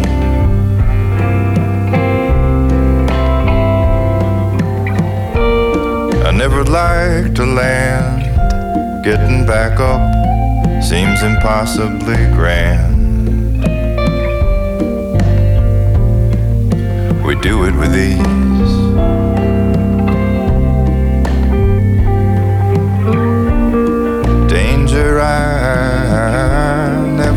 Of danger.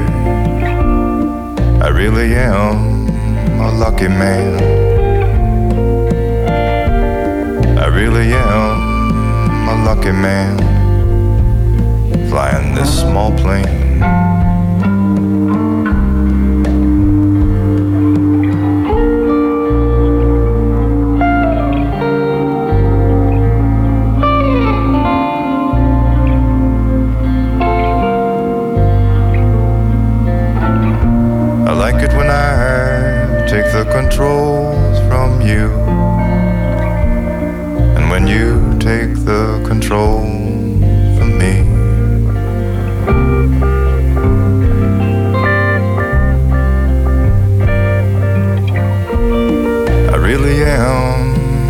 lucky man. I really am a lucky man flying this small plane.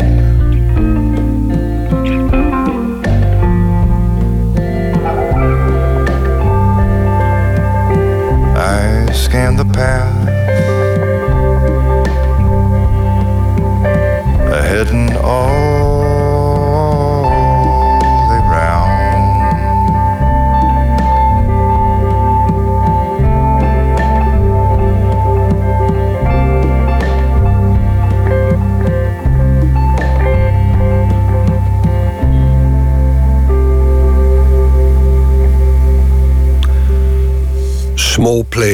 Van Bill Callahan. Nooit meer slapen. Afgelopen zaterdag opende de tentoonstelling Come Go Stay van Emily Kokken in tentoonstellingsruimte West in Den Haag. Emily Kokken is behalve beeldend kunstenaar ook schrijver en ze is gefascineerd door de relatie tussen mens en hond. Tijdens de opening deed ze een performance met een echte wedstrijdpoedel. Tjitske Musche was er vrijdag bij toen daarvoor gerepeteerd werd. In 2013 schreef Emily Kokke, geboren 1963, voor het eerst een roman, Witte Vlag. Dat boek werd geprezen door de critici, zoals hier Kees het Hart in Opium. Haar stijl, die is, ja, daar, daar, daar, dat vond ik fantastisch. Ja. Ik lees heel veel boeken en het is allemaal heel glad, glad vaak. Maar ja, dat, dat, doet zij, dat, doet, dat doet zij gewoon niet. Ze maakt van die, van die rare zinnen. De eerste zin, de stok die ik gooide naar de eerste hond... die ik van mijn vader mocht trainen, kwam niet terug. Ja, dat dacht ik, jeetje, wat een merkwaardige zin. Dat is gewoon hartstikke goed. In die roman zijn belangrijke rollen weggelegd voor een huisvrouw en een hond. De vrouw houdt erg van haar hond, maar als hij overlijdt wil haar man, kunstenaar, het beest opzetten voor een kunstproject. De relatie tussen mens, hond en kunst. Daarover gaat het ook in de tentoonstelling, met tekeningen, video's en foto's die nu te zien is in Den Haag. En die gekke taal, die komt er ook in terug. Dit ter inleiding. Eerst maar eens naar Emily Kokke zelf. Mijn naam is Emily Kokke. Ik ben beeldend kunstenaar en schrijver. En poedelperformer. Poedelperformer. Ja. Ik heb dat ook op mijn Twitter-profieltje gezet. Omdat ik dacht van ja, dat is een vak apart. Ik zit met Emily in West, een tentoonstellingsruimte vlakbij Den Haag Hollandspoor. Emily is een tengere vrouw met lang zwart haar. Ze is de 50 gepasseerd, maar ze heeft iets meisjesachtigs. Ze is zich aan het omkleden, want zometeen Komt eh, Silas, dat is de naam van eh, de poedel. En eh, zijn eh, eigenares, Jacolise, die komen hier eh, naar de galerie. Net als afgelopen maandag. Dus dit wordt de tweede ja, training, repetitie op locatie. Op deze tentoonstelling zijn fascinerende video's te zien van Emily met poedel Silas. Net als in haar roman gaat het over de ongelijkwaardige relatie tussen mens en hond. Ik borstel hem bijvoorbeeld en dan leg ik de borstel voor hem. Zo van, nou ja, komt er nog wat van. Dus ik, ik vind het heel interessant om te zien van ja, waarin, waarin, waar we projecteren, waarin we bepaalde vragen of verlangens projecteren op dieren. En waar misschien niet. Voor de opening heeft ze een performance met Silas bedacht. Je moet niet denken aan doggy dance, maar het mag wel. Doggy dance? Het doggy dance, oh, oké. Ik kan een hoop leren vandaag, geloof ik. Ja.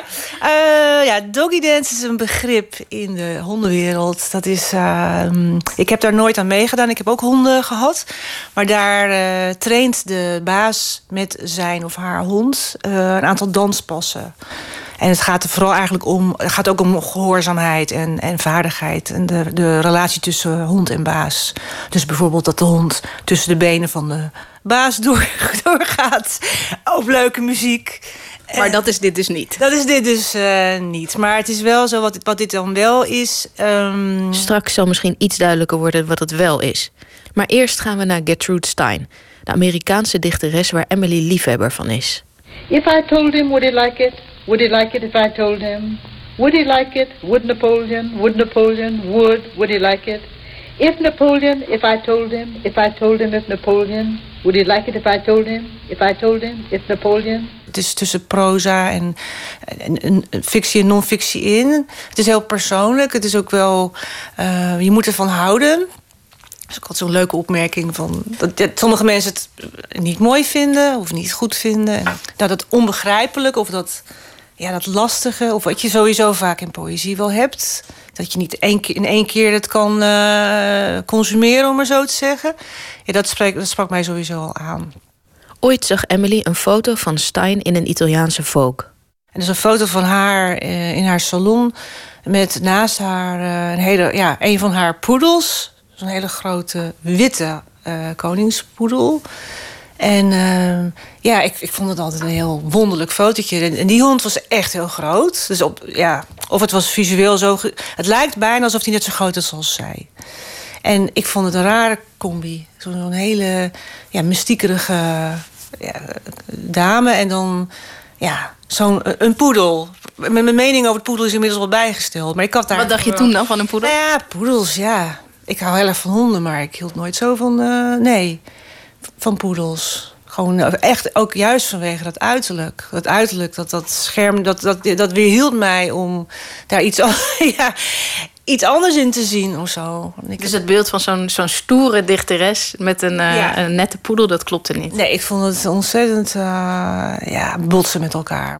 En toen bleek Gertrude Stein ook nog eens een gedicht te hebben geschreven... dat Sacred Emily heet. Ja, ik vond het sowieso heel apart dat ik dan door een titel uh, heilig wordt verklaard. Waarschijnlijk wordt er met die Emily, uh, Emily Dickinson uh, bedoeld.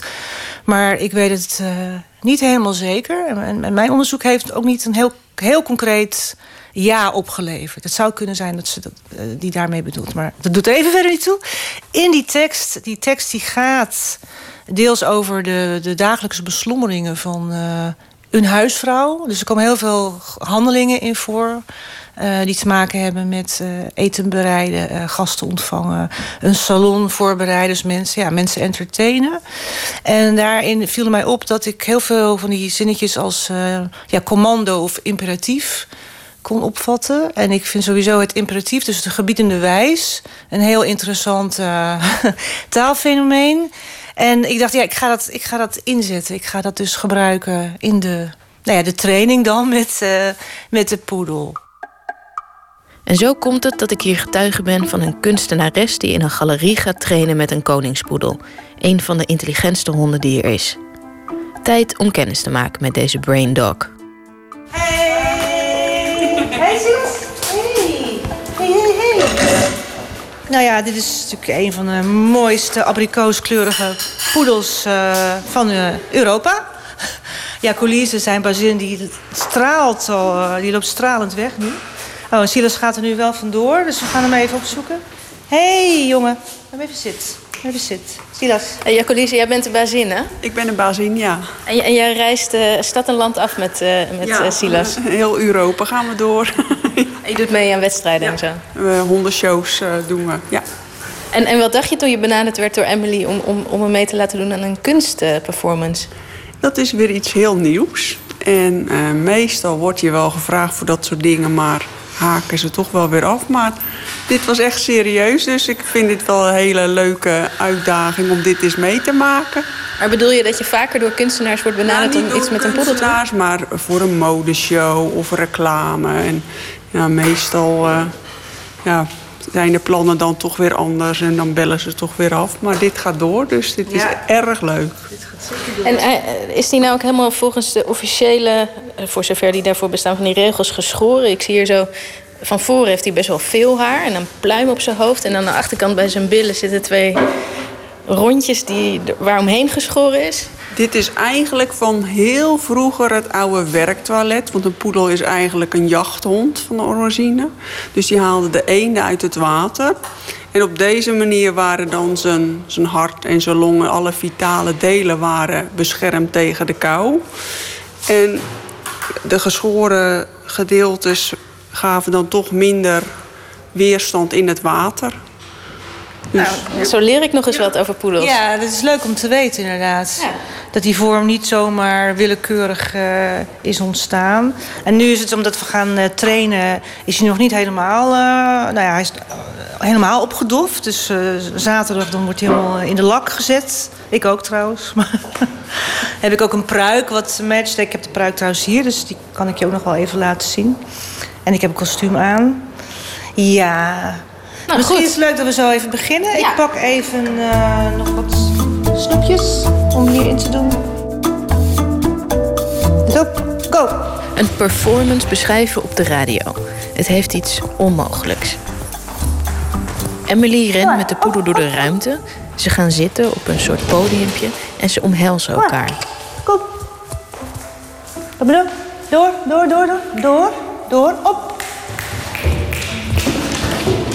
But it was the dog who asked me to feed him some fresh ideas.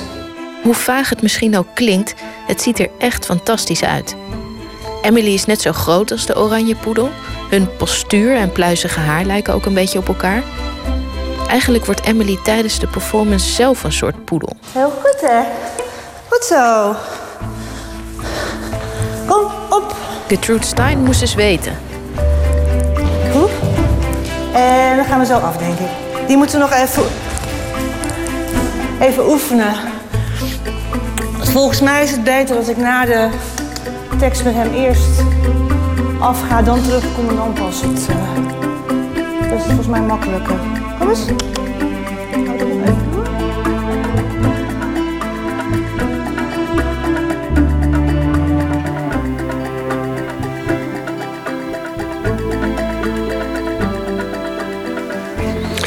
Tot zover. Kijkt u vooral ook even op onze site voor waanzinnige foto's van Poedel Silas en Emily Kokken. De tentoonstelling Come, Go, Stay met video's en tekeningen is tot 21 november te zien in West in Den Haag. Er is ook een boek bij verschenen. En zaterdag 8 november vindt er nog een salon semiotiek plaats, waarin het gedicht Sacred Emily van Gertrude Stein geanalyseerd wordt. Muziek hier in Nooit meer slapen. Als een van de weinige vrouwen wist Coco Taylor zich vanaf begin jaren 60 te manifesteren in de door mannen gedomineerde Amerikaanse blues scene. Haar bijnaam was dan ook de Queen of Blues. Van Coco Taylor is dit I'd Rather Go Blind.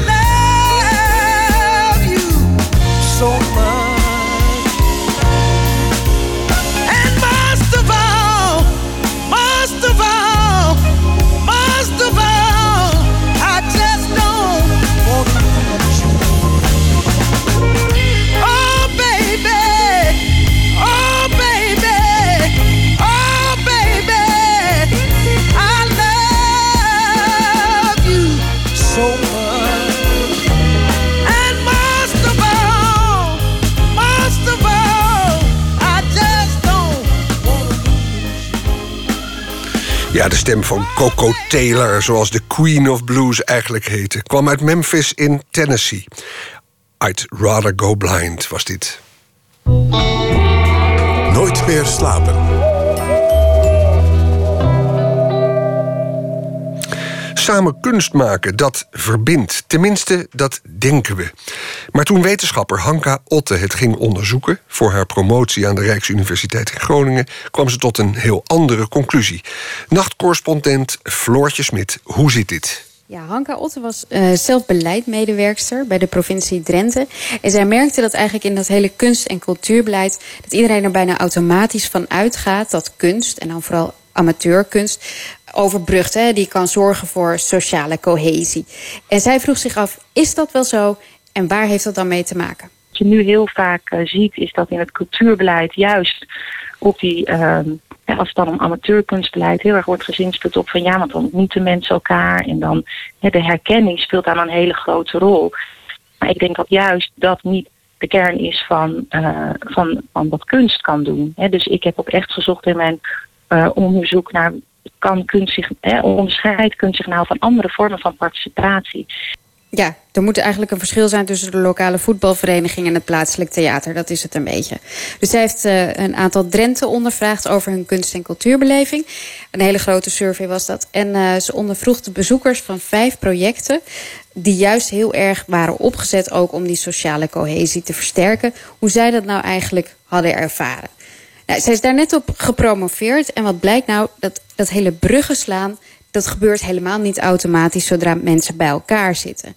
Het hangt vooral bij kunst ervan af op welke manier de verbeelding van mensen geprikkeld wordt. En dat was dan bij één project dat ze onderzocht wel heel erg het geval, maar bij het merendeel bleek van niet. Bij de andere projecten gaven mensen vooral aan van, nou ja, het was inderdaad uh, heel mooi om naar te kijken, maar het was ook vooral herkenbaar. Dus de verbeeldingskracht werd niet zozeer aangesproken. En daarin bleek wel dat bijvoorbeeld binding met andere bezoekers of met uh, andere deelnemers in het project bijvoorbeeld, uh, dat die werd bevestigd. Hè, of soms zelfs werd versterkt. Maar dan ontstond er niet een nieuwe, nieuwe relatie, zeg maar. Hmm. Als ik probeer te begrijpen wat ze bedoelt, dan zou dat zijn dat zij zegt: mensen raken door kunst vooral verbonden met mensen van hetzelfde type. Ja, zo ongeveer. Tenminste, dat door die bevestigende kunst. Want zij maakt eigenlijk een onderscheid tussen twee soorten kunst. Tussen bevestigende kunst, bevestigende kunst en uitdagende kunst. En de bevestigende kunst is dat mensen kijken naar iets wat heel herkenbaar is, wat ze net al noemden. Maar uitdagende kunst die slaagt erin om mensen juist heel anders naar de wereld te laten kijken. Dus om, om die blik te verruimen. En wat daarbij ook heel opvallend was, is hoe uitdagender de kunst is, hoe beter het groepsgevoel blijft. Bij de meeste projecten uh, was het maar de vraag of er nog een binding zou blijven na het project. En dat heeft heel erg te maken dat die projecten toch maar heel tijdelijk en eenmalig worden georganiseerd. Bedoelt ze daarmee dat je je als kunstenaar of als beleidsmedewerker moet afvragen wat nou eigenlijk de bedoeling is van waar je mee bezig bent? Moet het mensen dichter tot elkaar brengen of moet het juist verschillende groepen zien te verbinden? Ja, dat zijn dus eigenlijk twee heel verschillende dingen. Dat is het grappige eigenlijk wat zij heeft, heeft gevonden. Ik vind dat heel interessant. Ik vroeg me natuurlijk meteen ook af hoe een kunstenaar daarover denkt... die daar juist heel erg mee bezig is... Hè, om die verschillende groepen met elkaar te verbinden. En uh, ik kwam uit bij Merlijn Twaalfhoven. Hij organiseert uh, bijvoorbeeld muziekprojecten in conflictgebieden. En afgelopen weekend was hij organisator van 24 Hour Resonance. En daar werd 24 uur lang werd onafgebroken gezongen door verschillende mensen in verschillende samenstellingen in muziekgebouw aan het ei. En zij maakte daarmee een, een statement tegen het lawaai. Nou, dat lijkt me fantastisch staaltje bruggen bouwen, dacht ik zelf. Maar hij herkende dat juist wel hoor. Dat verschil tussen dat hele bevestigende en die uitdagende cultuur. Nou ja, heel veel muziek uh, overal ter wereld is gemaakt om een groep te binden. Dus het idee dat muziek een universele taal is, vind ik zelf onzin. Het wordt heel makkelijk gezegd. Maar uh, ik zie juist dat er in muziek iets heel... Uh, ja, de eigenheid van je eigen clubje... die breng je... Ja, die, hoe zeg je dat? Die, die toon je aan elkaar een soort getuigenis. Van dit zijn wij, dit, dit doen we. Dus dat werkt heel erg verbindend. Maar het kan ook een hele grote muur bouwen rondom je groepje. Dus om te zeggen, het, het, het, je maakt een brug of het verbindt tussen groepen mensen. Het is gewoon een heel ander verhaal. Daarvoor moet je juist mensen ja, heel erg uit hun patroon halen. Uit hun traditie of uit wat ze normaal doen. Ja, dan moet je een avontuur maken. En dat is wat, wat ik zie als mijn vak. Ook als componist met nieuwe muziek bezig. Het ontwerpen van, ja, van, van, van nieuwe klanken. Uh, en waarbij dus het bestaande wordt doorbroken. En ik wil mensen niet vervreemden, want ik wil ze erbij houden. Dus het is voor mij ook heel vaak een de kunst van verleiden. En dat was zeker ook met dit project, om midden in de nacht te gaan zingen. En het is niet repertoire. we hebben soms ook wel bestaande muziek ge, gezongen, maar voornamelijk geëxperimenteerd. En dus alle ja, zekerheden die mensen hebben, moesten ze loslaten. En ja, dan, dan moet je echt open zijn voor het moment, voor elkaar. Je moet, je moet elkaar leren vertrouwen. Ja, en dan krijg je inderdaad, uh, ja, dan ervaar je inderdaad een nieuwe vorm van, van verbindenis met mensen die je misschien tot voor kort niet kende. Dus je moet een beetje experimenteren, Anton. Ja, um, het is in een terrein waarbij mensen ervan uitgaan dat muziek en ook kunst gemaakt wordt met een bepaald doel. Maar ik heb altijd het idee dat er toch ook heel veel kunst en muziek gemaakt wordt zonder doel. En dat dat juist misschien de kern is van kunst en muziek, dat het niet in dienst van iets staat? Ja, dat is op zich waar. Maar het is juist in, dat, in het beleid willen gemeentes en provincies willen natuurlijk juist heel erg stimuleren dat mensen bij elkaar komen via die kunst. Die, die kunst wordt daar natuurlijk ontzettend door gebruikt, ge, uh, voor gebruikt in, in die kunstbeleid. Dus volgens mij is dit... Uh, ja, en dat heeft zij eigenlijk onderzocht. zij zegt ook, kunst is, is gewoon wel iets unieks. Dat is juist hoe kunstzinniger, hoe beter eigenlijk. Dus je moet helemaal niet zo behoudend willen zijn... om, om mensen maar allemaal gezellig en, en eh, gevaarloos bij elkaar te brengen. Maar het mag, mag gewoon wel wat, wat pittiger. Mm. Eigenlijk pleit ze veel meer voor een uh, ja, voor kunstzinnig kunstbeleid. En ik denk daarom dat het ook heel belangrijk is... als je dit soort projecten wilt doen... en je hebt daar ook echt uh, de gedachte bij Hè, dat het zou moeten overbruggen of dat je daar uh, doelstellingen aan wil koppelen voor sociale cohesie. Ja, dat je dan ook wel selectiever mag zijn in je kunstbeleid. En dan ook echt vooral de kunstenaar ook de ruimte geeft. Om dat vrije spel van die verbeelding ook echt toe te laten. Dat is denk ik heel erg van belang. En dat bij sommige van de projecten die ik uh, onderzocht heb, dat toch wel miste. En um, wat er ook aan vastzit is, je moet het ook organiseren. Hè. Er moeten dan ook mensen waar dan zo'n overbrugging zou tussen moeten plaatsvinden, hè, dat die moeten ook bij elkaar kunnen komen. Maar de vraag blijft natuurlijk dan of daarna, hè, door die kunstuiting, daar iets van blijft, ja, van, van beklijft. En ik denk dus dat het daar inderdaad die, uh, dat spel van die verbeelding, die kunstvorm zelf een hele belangrijke rol in kan spelen.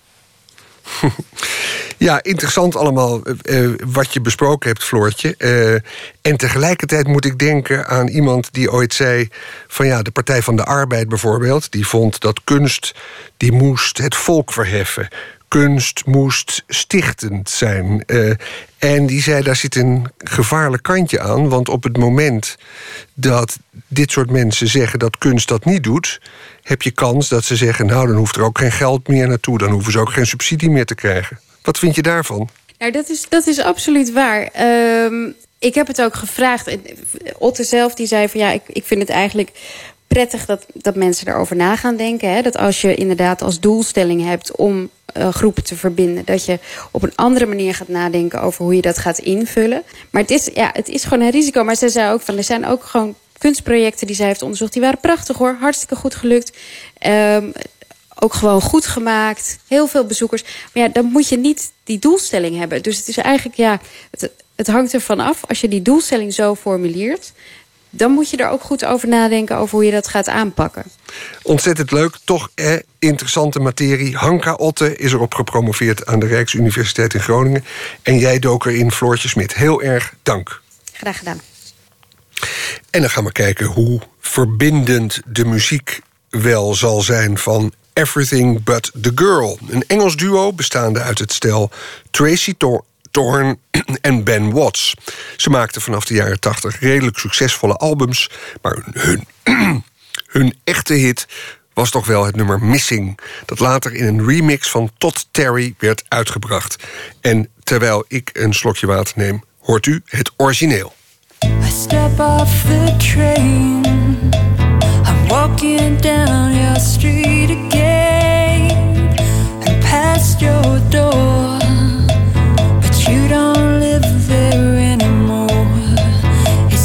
Since you've been there. And now you disappeared somewhere like out of space. You found some better place, and I miss you. Like the deserts miss the rain, and I miss you. Oh, like the deserts miss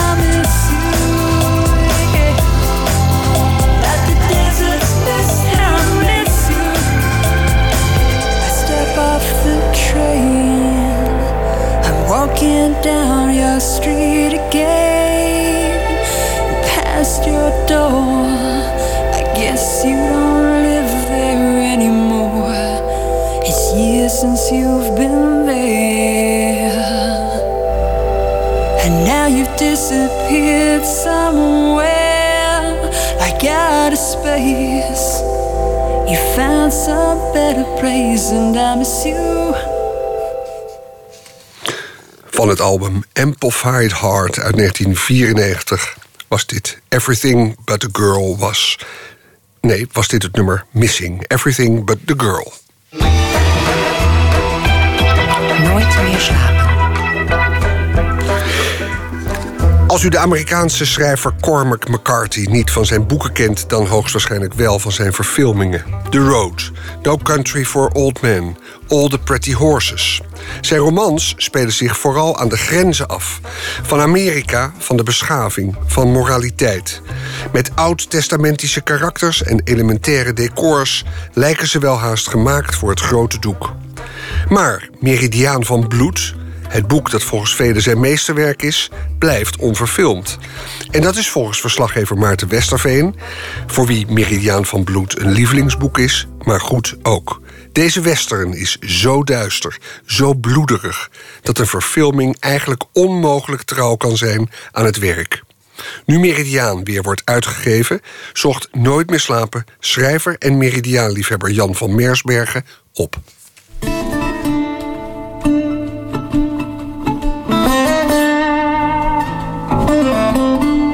See the child. He's pale and thin.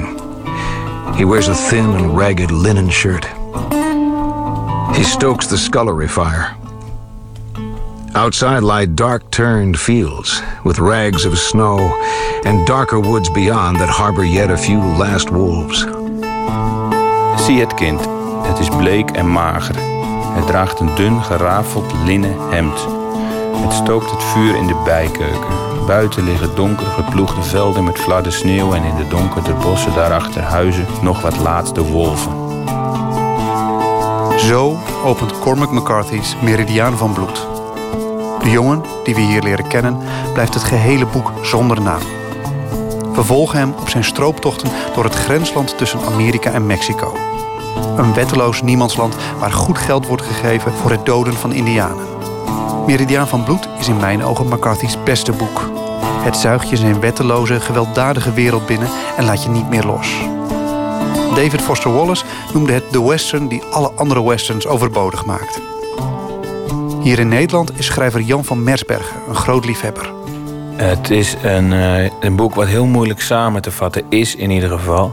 Ik zeg wel tegen mensen. Uh, ik, ik, raad dit boek, dit, dit boek echt aan aan mensen. En dan zeg ik: het is een cowboyboek. Dat klinkt altijd goed. Het gaat over een jongen waarvan je de naam niet eens weet. Je weet niet hoe die, hoe die eruit ziet. En het is, uh, het is heel gewelddadig. Hij, ja, ze schoppen en ze schieten erop los. Het is eigenlijk het beeld wat je, wat je van cowboyboeken niet gewend bent. Omdat het niet uh, romantisch gemaakt is. Het is geen John Wayne-achtige western. Dat is natuurlijk allemaal, uh, gaat het veel meer om sfeer. En dat je betoverd wordt door die verhalen uit het verleden. Maar dat is met dit boek niet, want je wordt totaal niet betoverd. En het gaat vooral, mij als schrijver gaat het om het ritme dat in de tekst zit. Maar dat is moeilijk aan mensen te verkopen, want het interesseert mensen niet zoveel, ben ik inmiddels wel, uh, wel achter. Dus het is een, keiharde, een keihard cowboyboek. De manier waarop ze met elkaar omgaan en hoe ze elkaar te lijf gaan en hoe ze eigenlijk ook van elkaar houden en contact met elkaar hebben, die, die mannen. Het is een soort strooptocht door Amerika heen. Texas-Amerikaanse, uh, Mexicaanse grens. En dat, ja, dat, doet hij, dat doet hij heel mooi.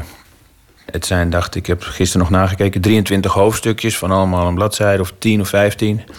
Wel te behappen. Wat hij heel mooi doet, is dat er aan het begin van ieder hoofdstuk een, een soort samenvatting staat met vet gedrukt. Een paar zinnetjes. Kinderjaren in Tennessee. Hij loopt weg van huis. New Orleans. Vechtpartijen. Wordt neergeschoten. Naar Galveston. Nakot Dodges, dat zijn waarschijnlijk Indianen. Dominee Green, dan komt de rechter Holden, wat eigenlijk de hoofdpersoon is. Een grote kale rechter. Een rel, doodfijn.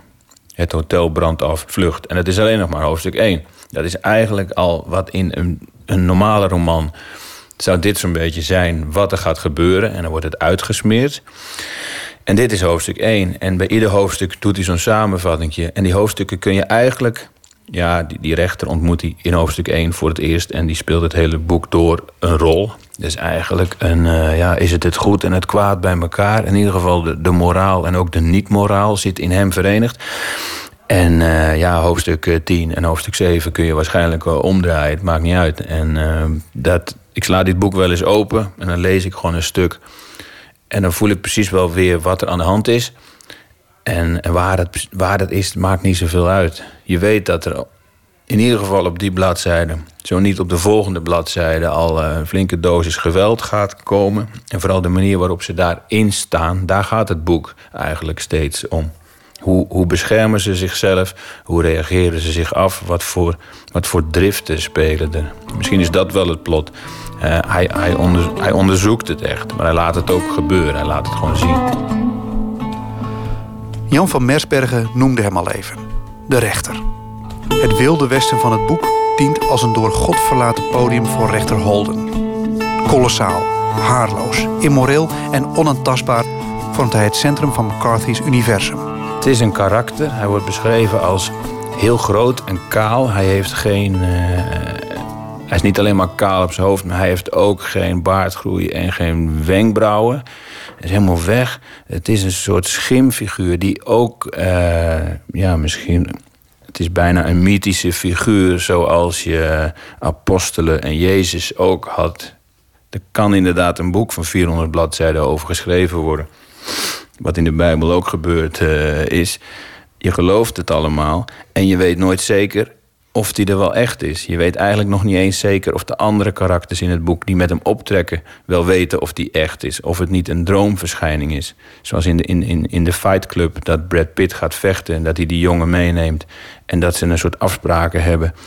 Eh, die weten ook niet of het een verzinsel is en of het wel echt is en of het niet allemaal in dat hoofd van die, eh, van die vriend van Brad Pitt eh, zit. Het kan best zijn dat hij het allemaal eh, verzonnen heeft. En dat kan hier natuurlijk ook gebeuren. Die, die rechter die heeft ook de moraal bij zich. Hij weet niet alleen wat goed en slecht is. Hij, hij oordeelt ook en hij legt ook. ja, hij zegt tegen anderen dat ze niet goed zijn. Hij straft mensen af. Terwijl hij zelf ook uitdeelt en uithaalt. Dus die, die moraal is volledig eh, ja, alleen maar gebaseerd op zijn eigen eh, wereldje.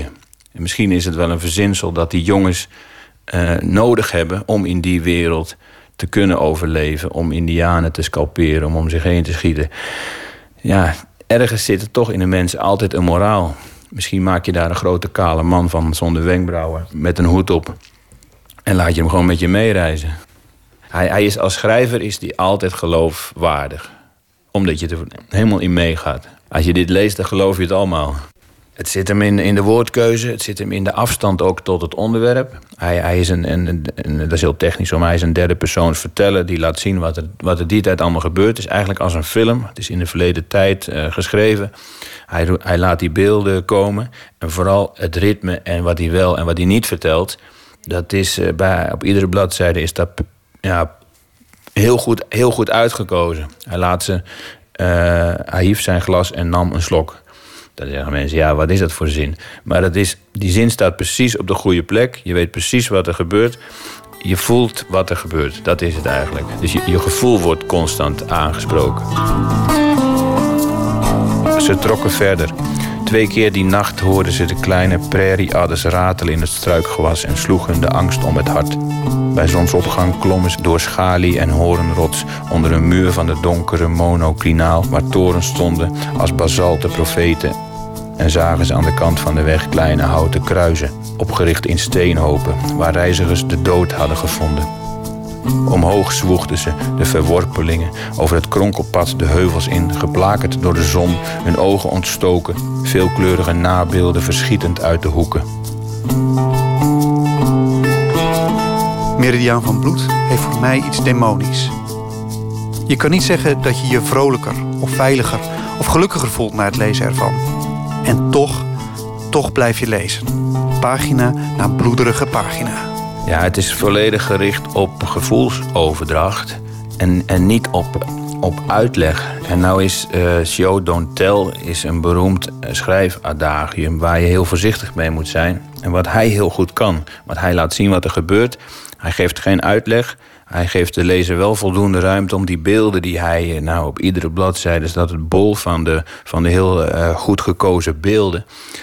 In je hoofd moet je ermee aan de gang en moet je de film zelf maken. Moet je het invullen. Je moet beelden soms aan elkaar koppelen. Je moet het ritme voelen. En dat gaat eigenlijk vanzelf. Terwijl als je een ik-verteller hebt die in de verleden tijd vertelt en die, die ook allerlei beelden oproept, dan, dan kan het verhaal heel raar worden. Ja, het, heeft een, een eh, manier van vertellen. Ja, hoe zeg je dat kort? Bijna als een documentaire. Omdat, omdat de beelden het verhaal vertellen. En omdat hij nergens uitlegt hoe die jongen zich voelt. Maar als je het boek openslaat en je leest een stukje, dan weet je precies hoe hij zich voelt. En dat is een soort truc waar ik al 15 jaar eh, probeer achter te komen hoe het, hoe het werkt. Ik lees het vooral om de, om, om de stijl. Eh, als schrijver kan ik daar heel veel van eh, leren. En ik denk dat heel veel mensen er ook wel van zullen schrikken hoor. Misschien is dat niet de beste manier om een boek aan te prijzen. Maar het is een, heel, het is een vrij moeilijk boek en het is ook een heftig uh, boek. En ik ben altijd heel blij als ik iemand tegenkom die dit boek gelezen heeft. Een vriend van me is een, is een muzikant en liedjeschrijver. En die, die heeft het boek gelezen. En dan leer je elkaar kennen en, en dan kom je daarachter. En dan heb je bijna meteen een soort verbond. Dat je dit boek kent. En ik denk dat je dat, dat, dat mooi is om, om aan te gaan. En er zit, er zit steeds een, een, iets keihards in, maar ook weer iets uh, zachts. Dan hebben ze een gevecht gehad. Ze leverden weer slag daar en daar. En het laatste zinnetje van dit hoofdstuk is... dan zijn er niet alleen maar grote mannen die vechten... maar er zijn ook jongetjes bij. En er is ook muziek bij en er zijn zelfs bloemetjes.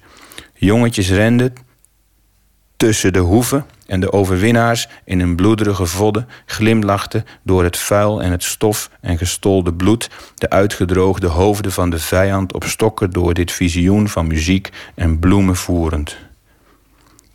Er staan hoofden op palen, ze hebben gewonnen, jongetjes rennen er doorheen. Die muziek en die bloemen die zijn er ook. Dus ja, wat hij precies doet, ik ga dit zinnetje straks nog eventjes nalezen. En ik ben nu zelf met een boek bezig en dan moet ik altijd, dan wil ik daarin blijven zitten. En ik moet heel erg uitkijken om te veel van dit soort zinnetjes te lezen, want dan wil ik dat ook. En ik moet natuurlijk mijn eigen boek schrijven. En ik word hier bijna bang van.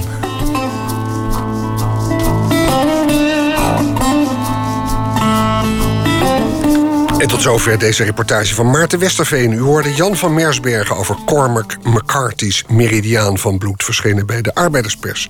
Overigens, luisteraar Paul Lamens wijst ons erop... dat er wel degelijk wordt gewerkt aan een verfilming. Waarvan akte. Blitzen Trapper is hier met Across the River.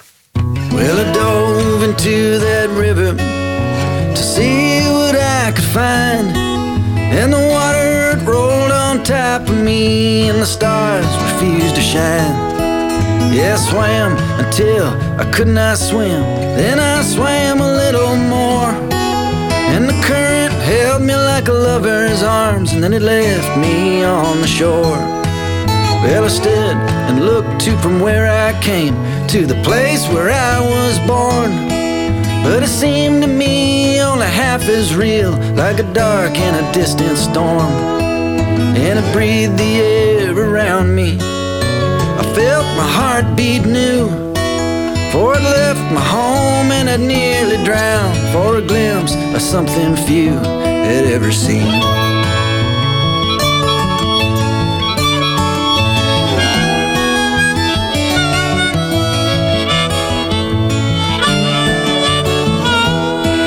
Then I walked up from the shoreline to a city shining bright. And I walked the streets of that lovely place till the coming of the night.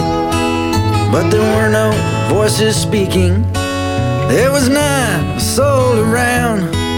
So I sat alone on an empty throne in the middle of that town. And I said, Oh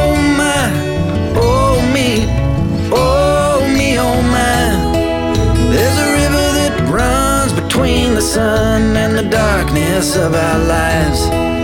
You can hit the road or stay in bed. You can sink or swim or fight. But when all of this is said and done, you're gonna walk so gently still into that night.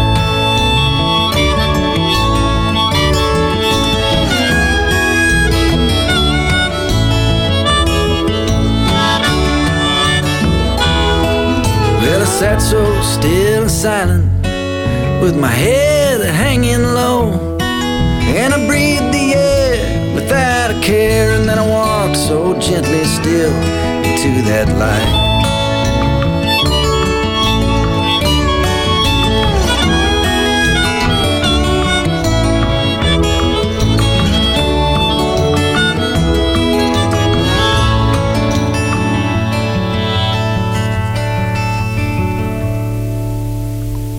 Blitzen Trapper hoorde u met Across the River. Vier minuten voor twee in Nooit meer slapen. En deze aflevering van Nooit meer slapen sluiten we af met een dichter die een favoriet gedicht voordraagt. En deze week is dat de keuze van Jonathan Griffioen. Hij is al geruime tijd bezig als poetry slammer... en binnenkort verschijnt van hem zijn debuutbundel Wijk. Voor vandaag kwam hij uit bij een titeloos gedicht van Daniel Vis.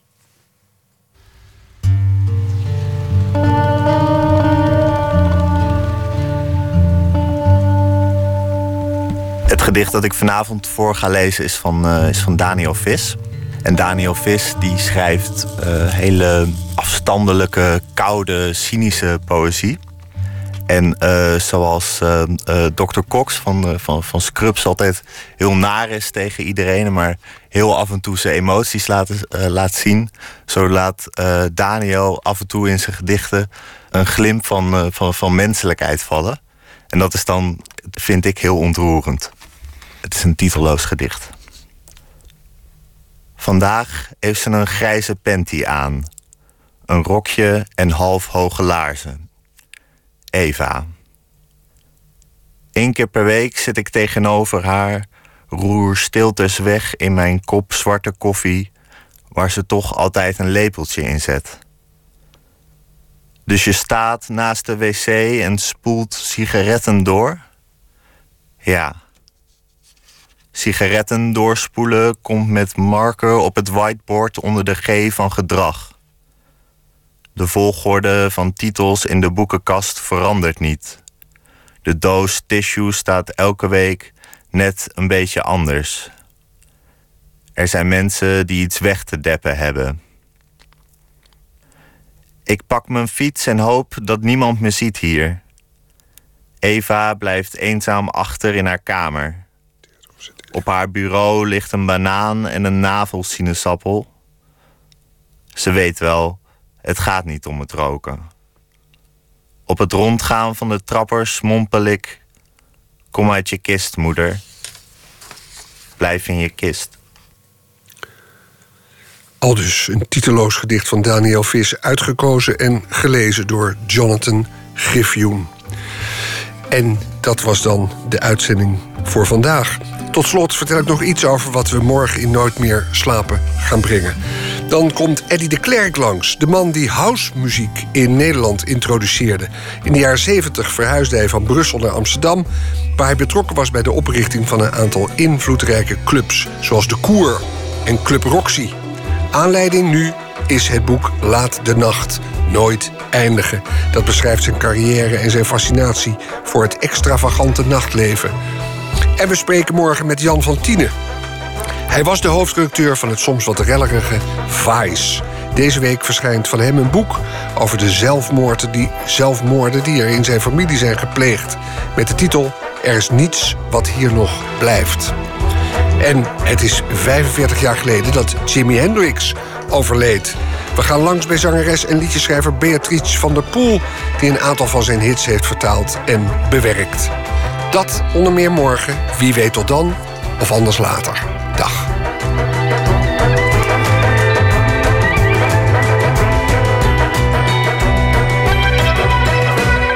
Op Radio 1, het nieuws van alle kanten.